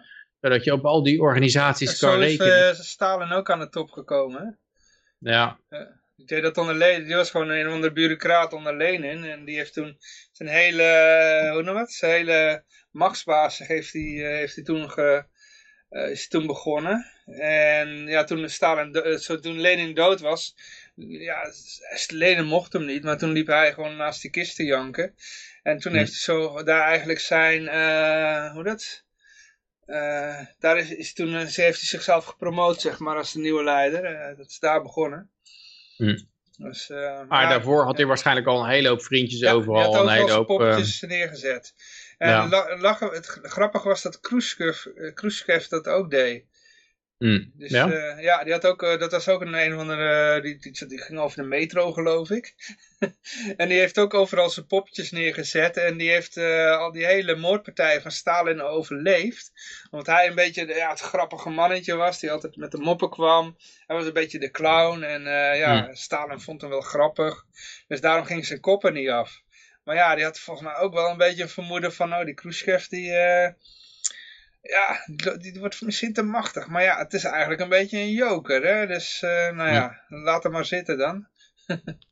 Maar je Ja. ziet er je ziet enorm veel personeelsmutaties van allemaal die mensen die ook weer geruimd moeten worden voordat ze het idee krijgen dat ze te machtig worden en, en dat ze te, te invloedrijk worden, worden ze dan weer even een, eh, even een toontje lager zingen jij. Dus ja, dat gebeurt de hele tijd. En eh, hoe waren we hier nou ook opgekomen? het was er weer af. Het Het ging via ruiten tien- ingooien. Het kwam weer via de ruiten ingooien. Tienduizenden-. Er zijn 10.000 extra eh, banen nodig voor eh, de klimaatdoelen. Ja, voor, om ingegooide ruiten te repareren eigenlijk. Dat Ja, is het ja. ongeveer. Dus zo kwamen we weer de kristalnacht op. Ja. Hm. Staat er nog iets in het artikel? Of? Ik heb alleen de titel gelezen. Ja, dat onder klimaatdoelen te kunnen halen, heeft Nederland grofweg 23.000 tot 28.000 extra werknemers die aan het energietransitie werken. Wat in Duitsland een enorme falikante mislukking is geworden. En eh, in Texas onlangs nog. Zo blijkt uit onderzoek van het onderzoeksbureau Ecoris in opdracht van de Nederlandse Vereniging Duurzame Energie. Volgens de organisatie neemt het aantal mensen met een technische beroepsopleiding af en zijn meer investeringen in omscholing in onderwijs nodig. Ja, het is... ehm, is altijd, eh, het wordt voorgesteld als een, als een enorme markt. En, en het, het levert natuurlijk ook- een hele hoop werk op. Als jij zegt van, eh, van nu af aan moeten we allemaal met eh, driewielers gaan rijden. Ja, dan, dan moeten allemaal driewielers ontwikkeld worden en gefabriceerd. En iedereen moet zijn auto inruilen voor een andere. Maar in feite wordt niemand daar gelukkiger van. En ik denk dat, dat zo'n energietransitie op den duur was het toch al gebeurd. Want uiteindelijk moet je natuurlijk toch een keer van die olie en gas af. Maar dan was het gebeurd op een moment dat, dat het de prijsmechanisme aangaf dat het de juiste moment was om om, eh, om, om te gaan. Ik, normaal, nou heb je nog ontzettend veel, ga- veel gas in de grond zitten, waar, waar je dan nog heel goed eh, een, een tijd mee vooruit zou kunnen. En dan heb je veel meer, veel meer tijd in feite om dat te doen. En nou gaan ze, ja, gaan ze dat naar voren halen. En dat is eigenlijk, eigenlijk is dat ook iets wat gebeurt, nou bijvoorbeeld bij eh, restaurants. Ik hoorde dat in restaurants in Amerika dat, dat iets van 70% denkt aan automatiseren. Omdat het minimumloon omhoog gaat. Maar wa- wat er eigenlijk gebeurt, de overheid dwingt het minimumloon omhoog.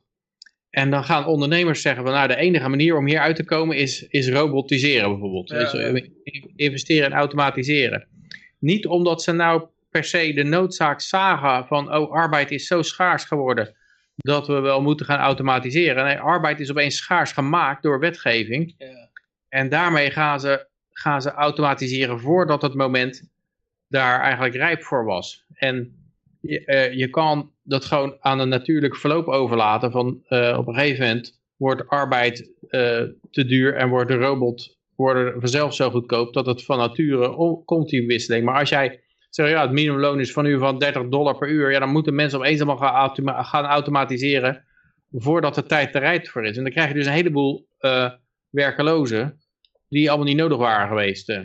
Omdat het, als je dat op een natuurlijke manier had laten verlopen, dan was dat veel geleidelijker gegaan en, en dan zag iedereen het veel beter aankomen. Ja. Klopt, klopt. Ja. Ehm, nou, we gaan nog even met sneltreinvaart er doorheen. Dus, eh, Ja, ik kreeg een beetje een klacht de laatste keer dat hij 4,5 uur te lang was. Dus eh, 4,5 uur, oké. Ik vraag me af hoeveel mensen luisteren naar Joe Rogan af, hè? ja, misschien hebben wij nog niet helemaal het niveau van Joe Rogan bereikt. Eh, ik weet het niet. Onze grappen zijn natuurlijk ontzettend goed. ja, ja. Eh, even kijken. grond, oh ja, ja, we hadden over klimaatdoelen gesproken. Hier nog wat drie eh, dingen die er een beetje, ja, dit- dit, ja, goed, dan mag jij even eh, uitleggen. Je- Ze komen van jou, ik noem ze even op. Gondels liggen op de bodem van kanalen in Venetië door extreem laagtij. Ja, en normaal zie je het alleen maar als daar een overstroming is, hè.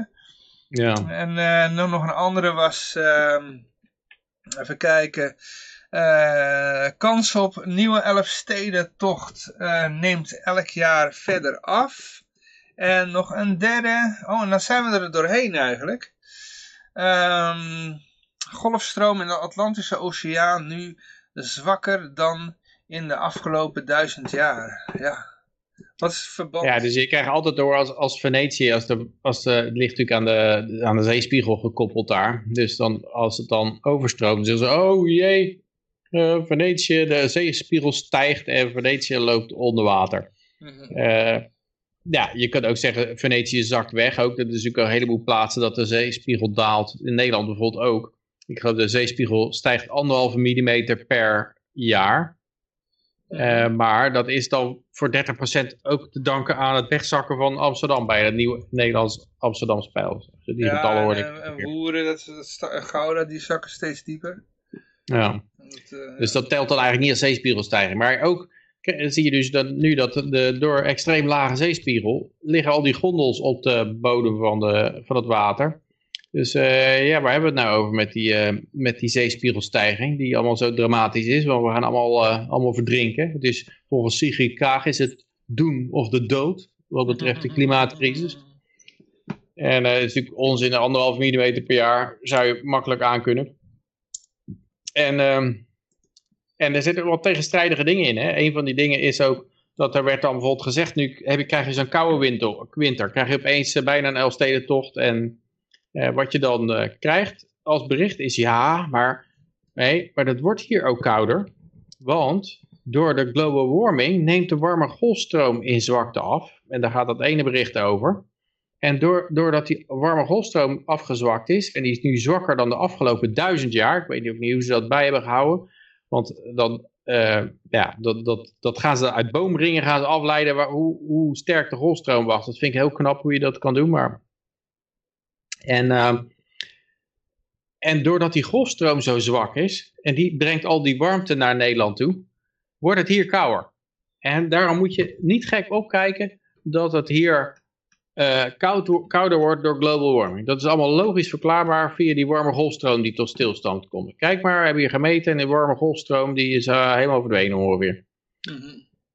Maar tegelijkertijd zeggen ze dan eh, van ja, de kans van op een Elfstedentocht die neemt af door global warming. En in 2050 is het nog maar 1%. Dan denk ik, ja, je moet wel een keer een keuze maken of die winters nou warmer of kouder worden door global warming hier. Dat, dat is, je, kan niet, je kan niet blijven zeggen bij elke warme zomer van, eh, oh ja, dat is global warming. En elke koude winter, ja, dat is ook global warming. En een warm winter is ook global warming.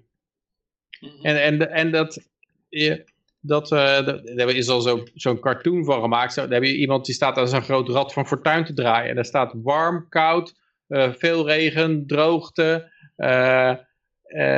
eh, strenge winter, ijzel, storm, eh, veel hurricanes, weinig hurricanes. En het was allemaal global warming. Eh, waar die ook op terecht kwam, het was allemaal te verklaren. Het kan natuurlijk niet zo dat je een theorie hebt die gewoon alles kan verklaren. Wat voor weer kan het allemaal aan global warming denken. Dan is er gewoon wat, dan ben je gewoon voor ingenomen bezig.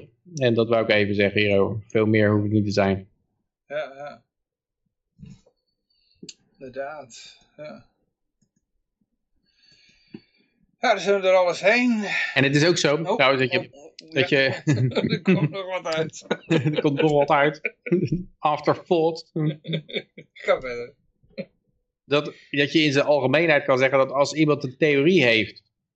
En er zit een tegenstrijdigheid in. Dat hij zowel A als niet A verklaart. Dat, Ayn Rand had het daar natuurlijk al over. Dat, eh, dat, eh, dat een van de dingen is dat, dat A niet gelijk kan zijn aan niet A. Of dat A niet kan leiden tot niet A. En als jij een theorie hebt die tot conclusie A leidt en tot de tegenovergestelde conclusie van conclusie A, dan, dan hoef je niet eens te gaan meten. Je hoeft niet eens empirisch te gaan zien van nou, dan gaan we zoveel satellietbeelden bekijken om te kijken of die theorie waar is. Die theorie kan niet waar zijn omdat er tegenstrijdigheid in zit. Hm. Bij tegenstrijdigheid in een theorie hoef je niet eens empirisch te gaan, eh, te gaan testen Mhm. Of het nou, eh, ja, of het nou klopt of niet. Ja, Ja, dan zijn we erheen. Snel gedaan. ja, ja, ja. Ik, weet- ik weet niet eens hoe laat het is. Joh. Dus eh, even kijken hoor. Oh, het is eh, half twaalf pas, joh. Ja. Ja, dat is nog wel een half uurtje doorlullen. ik weet alleen niet waarover, maar... wa- was er nog iets op de, op de binnengekomen dat je zegt van nou... Potverdorie, hier we het eigenlijk ook nog over moeten hebben.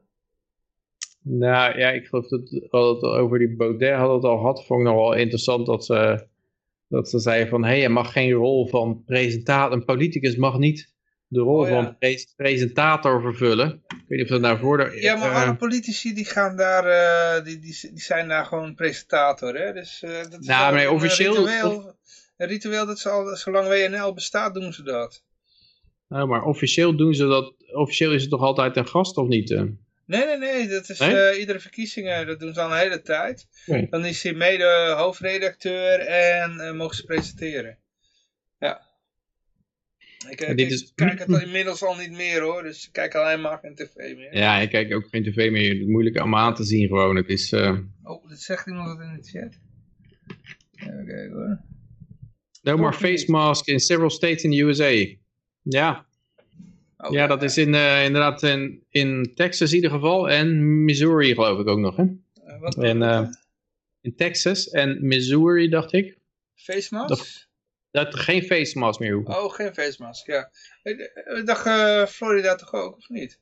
Ja, maar Florida was al zo. Oh, oké, oké, oké. Dus er zijn een paar staten bijgekomen. En het, eh, ja, en het rare is dat, dat Biden die zegt, ja, dit is vreselijk, dat gaat helemaal mis. Deze, eh, die, dus eh, Biden slams Neanderthal thinking in Texas en Mississippi is het. eh, Texas en Mississippi.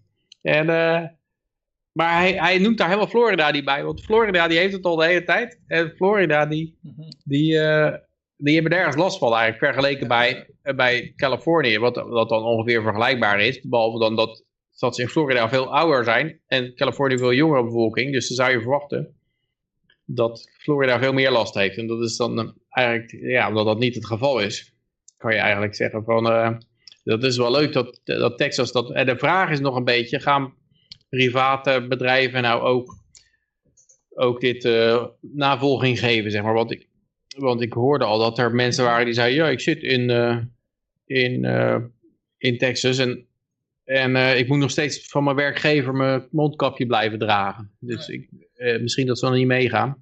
Florida is een eh Sunny en warm sunny state. warm state. ja, maar Californië ook, hè? Ja, ja, ja. Nou, wat vorige keer, eh, wie was het nou? Die zat toch in, eh, die Anthony Semeniov?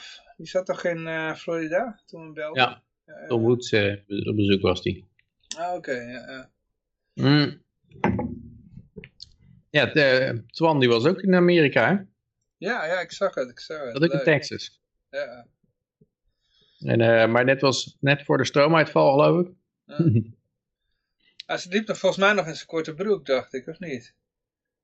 Ja, maar het is daar, het is daar was nou net als Nederland, dat het ging van heel koud naar opeens boem, lente. Het was, eh, hij stond voor zo'n waterval. Ik grapte nog van, eh, is dat niet een, is dat, is dat zo'n gebroken waterpijp? Want daar hadden ze nog om mee te maken. Ja, nee, ik ben lekker in Limburg geweest wandelen, korte broek. eh, het is gewoon alsof het zomer was, je. T-shirtje aan. Ja. Heb je goed getimed? Ja. Heb ik een rode kop? Of, eh? Nee, valt best mee. Eh, Ja, dat betreft toch een rare links tussen dat weer. Dat het opeens daar zo koud was en hier eigenlijk ook opeens koud. En het tegelijkertijd ook opsloeg dat het ontzettend uit, uit elkaar ligt. ja. Hm. Ik vond een prima Ja. week hoor, dus... lekker nog wel interessant eh, is dat, ja, als je ooit nog denkt van de overheid zorgt voor, voor bescherming van dieren of zo. Nee, is in Michigan een vrouw die zorgde voor eh, wilde dieren, maar zonder vergunning. En alle dieren zijn gelijk gedood door state officials. God. Dus je zorgt voor dieren zonder, zonder hun toestemming en dan maken zij ze gewoon allemaal dood. Ja. Jongens, jongens. Ja. Is- Ja, dat soort dingen. Ja, je, je- je vraagt je af wanneer zien mensen dat, weet je wel. Dat, eh, het is, eh, Ja, over het algemeen, dat is altijd zo triest dat het, dat het niet vaak een terugweg kent. Hè?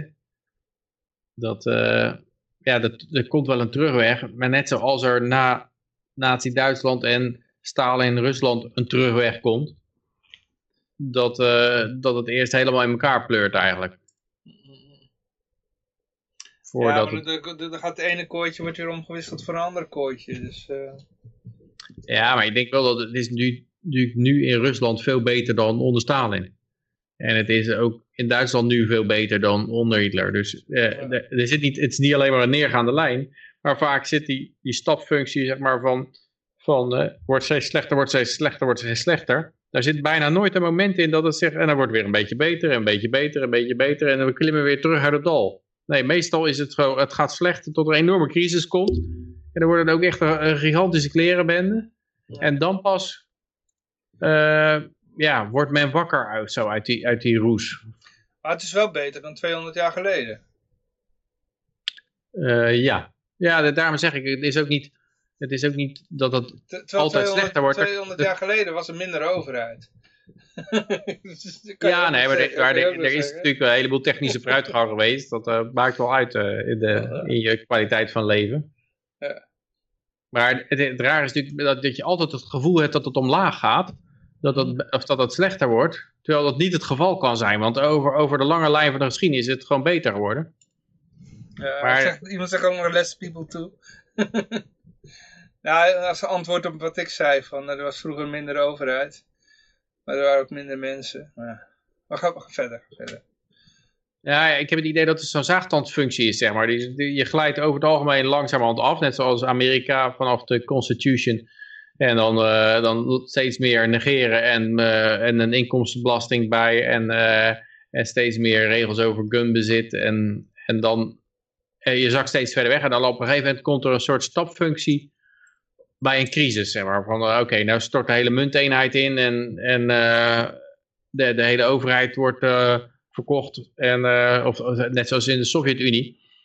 Zo, zo, laatst zo'n eh, film gekeken op Netflix. De Operation Odessa of zo. Of- of- ja, Operation Odessa heette dat geloof ik. Oké. En dat was ook eh, ja, dat gaat er dan over... Waar Russische drugsdealers... die dan gaan naar, Mosk of naar Rusland toe... om daar dingen te kopen... nadat het, nadat het Sovjet-Unie aan elkaar gevallen is. Mhm. En hoe die dingen daar dan geregeld worden, kun je gewoon een, een helikopter van het leger huren. En dan zeggen ze van, ja, ja, wacht, ja maar dit is, je kan waarschijnlijk, ja, dit is wel 500 dollar, dus dit zal wel te duur zijn. Die gasten op 500 dollar voor een helikopter met drie piloten. Kregen ze bij, oh, laten we er 10 huren of zo. en dan, dan vliegen ze naar een of andere motorcyclefabriek toe. En, dan, daar kan je ook voor een habbekrats motorcycles kopen. En, en het is ook, eh, ja, het, het was de hele overheid werd daar verkocht eigenlijk. Je kon gewoon tanks kopen. Ze konden zo, op een gegeven moment konden ze een submarine kopen. Er werd zelfs gevraagd of ze er kernraketten bij wilden hebben of niet. eh. Dat was allemaal, eh, allemaal geen probleem. Ja. En eh, ja, ze staan zelfs op de foto met die commandant van zo'n submarine. Van nee, natuurlijk, die verkoop ik voor een abbekrat. En, en dat is... dat gaat denk ik bij de VS ook gebeuren. Dat op een gegeven moment gaat het gewoon failliet.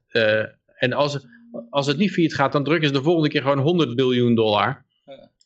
Net zolang tot het, tot het wel failliet gaat. En dan moeten ze gewoon als, als oud schroot verkopen, denk ik. eh, wat, er, wat er toen wel gebeurd is, dat heel veel van dat, eh, eh, dat, dat legerspul van de Sovjet-Unie, dat is allemaal eh, op, inderdaad opgekocht. En dat is voornamelijk in die derde wereldlanden terechtgekomen waar dan Ja. delfstoffen te, te halen waren.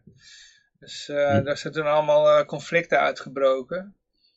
Ja, El- Eldorado.g zegt eh, 1992, the sale of the USSR. Ja, dat is inderdaad Eh, eh, ontzettend veel eh, is er gewoon ge- verkocht toen. eh, er is toen nog wel een team geweest dat er nog al dat, die kernwapens opspoorde. Want die wilden dat dat niet op de zwarte markt zou eh, De belanden. vrije markt.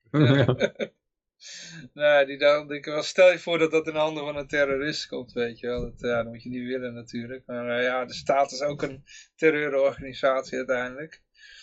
Ja, maar het is wel.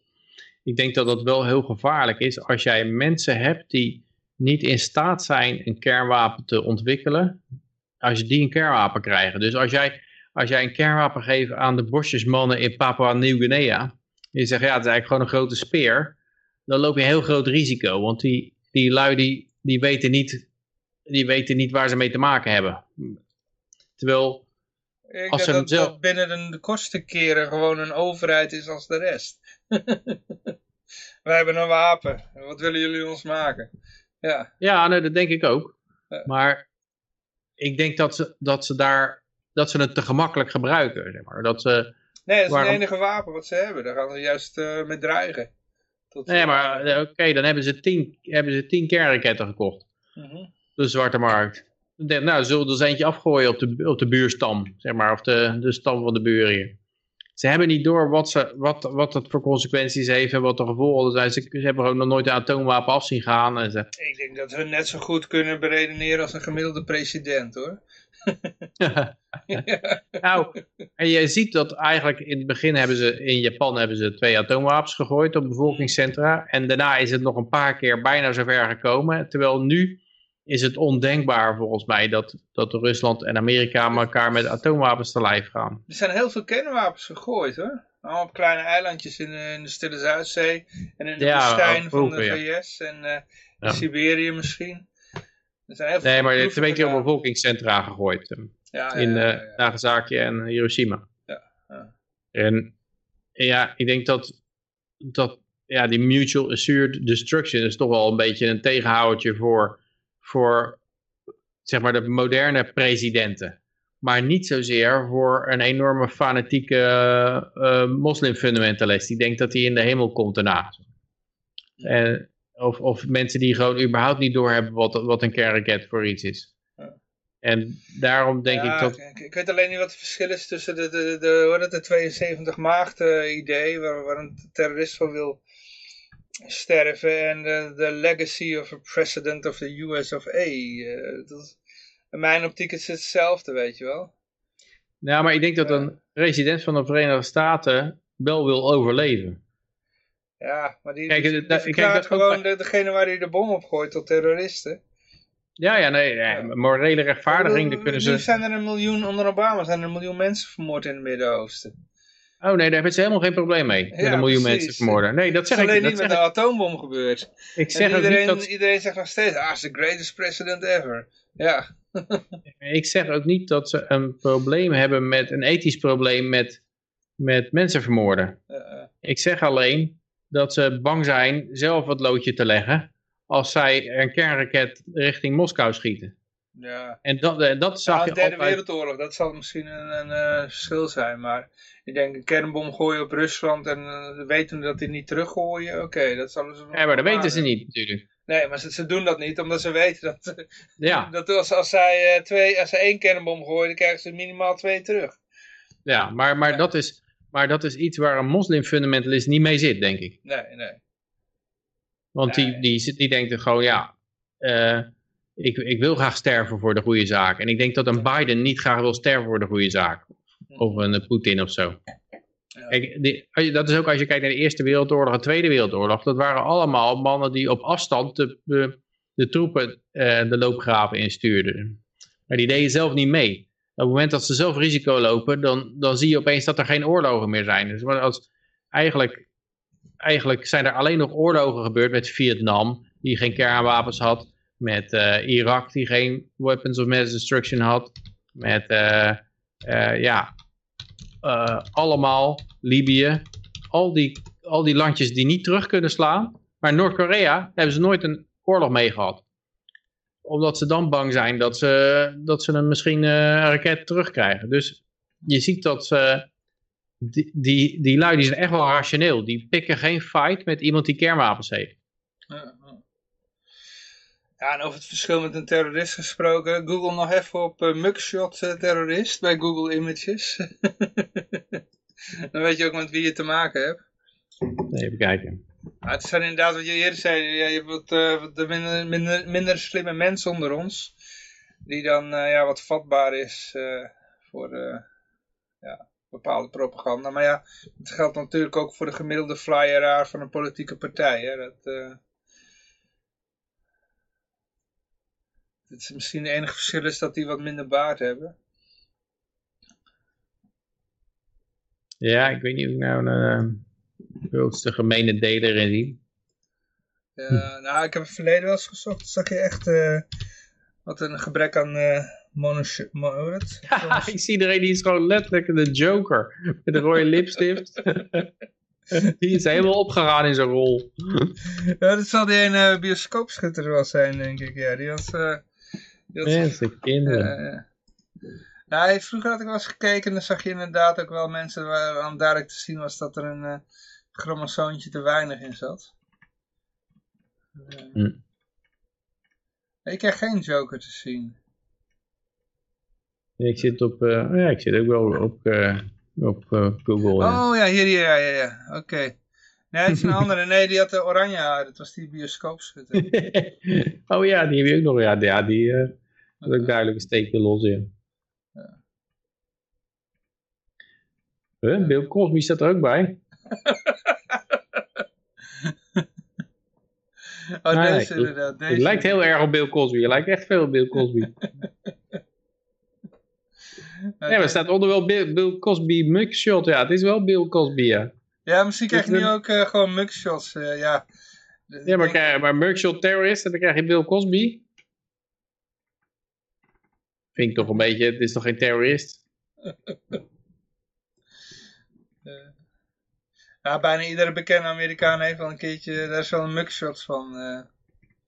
Zie je toch ook bij die oude Joe Rogan setting, daar zag je toch ook allemaal mugshots van bekende artiesten en zo. Uh, Jim Morrison, uh, Jimi Hendrix, noem maar op. Elvis. Hm. Ze hebben allemaal een keertje, hoe dat, voor de meetlat moeten verschijnen. Dus, ja. Ah ja. Maar in ieder geval, ik, ik denk dat, dat er een verschil zit tussen die, niet een ethisch verschil dus, ja, dat, dat, dat moet ik dan goed duidelijk maken. Ik denk niet dat ze een probleem hebben om een kernwapen op weet ik niet hoeveel miljoen mensen te gooien. Ja. Maar ze zijn gewoon bezorgd om repre represailles te krijgen. En ik denk dat een echte true believer, uh, uh, terrorist, die is daar niet bezorgd om. Nee, nee, nee.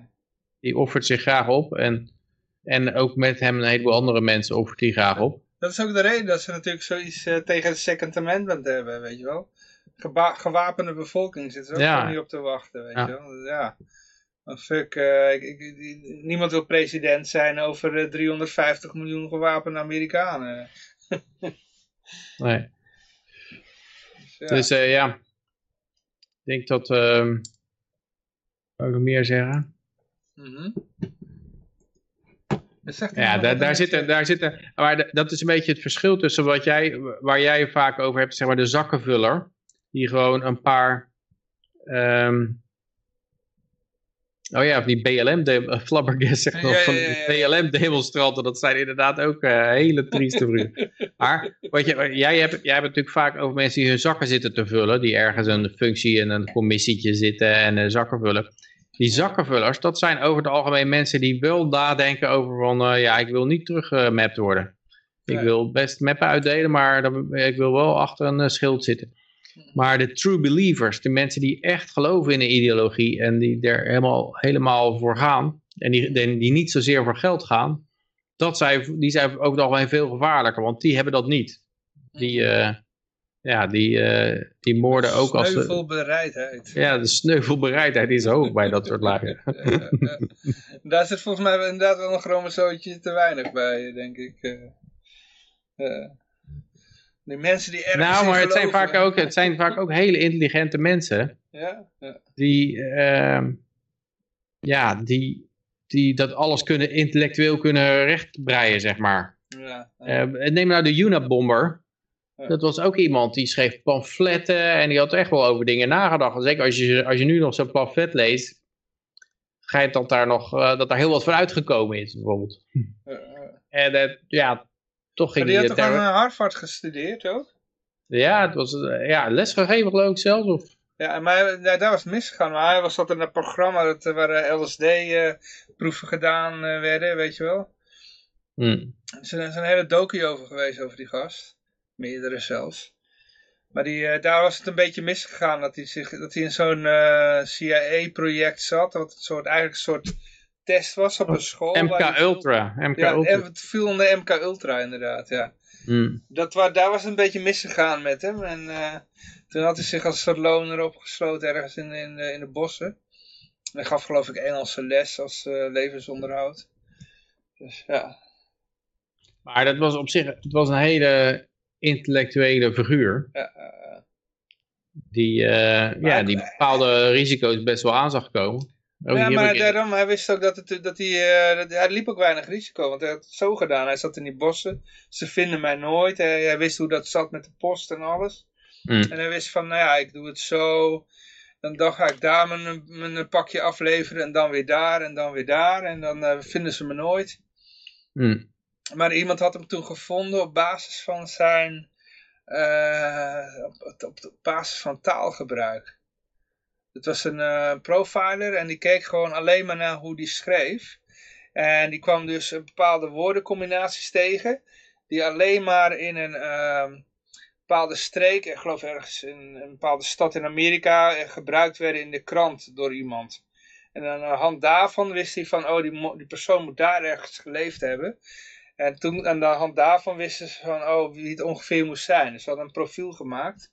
En dat was puur op basis van woordgebruik. Hm. Dus, eh, Als je trouwens eh, Black Lives Matter mugshot doet, dan, dan, dan krijg je wel het idee dat er inderdaad eh, een heleboel chromosomen missen hierin. eh. Mijn hemel. is het behoorlijk een blanke, blankies, een blanke aangelegenheid? Oh, eh? oh man, hier heb ik er eentje die fund the police, meet Antifa. Ho, ho, ho. Even kijken, krijgen we dan een blank feestje? Ja, Even kijken, BLM een mugshot. Oké jongens, dan gaan we even lachen. Inderdaad, het, is een, het lijkt wel GroenLinks, joh. Het lijkt wel dwars van de GroenLinks. Hey, oh ja, ja, oké. Hm. Eh, moet ik even... eh, Echt allemaal tatoeages in hun gezicht en, en een figuur die een of ander struikgewas op zijn hoofd heeft. De blauwe haar geverfd in een punt. Die Ja, ziet er met lijkt- zwarte, oog, een zwarte oogschaduw om zijn ogen heen. Het lijkt wel een jongere bijeenkomst van, eh, van dwars. Dat- Jongen, jong. eh, Wat een types, man. Ook allemaal wat. Antifa looked like the random people Batman always beats up. Ze zijn allemaal boos dat ze maar geen baan kunnen krijgen. Mijn hemel, Oh, iemand die, post wat, iemand die post wat in de Ja, kennisgeving voor eh, omleiding. Oké.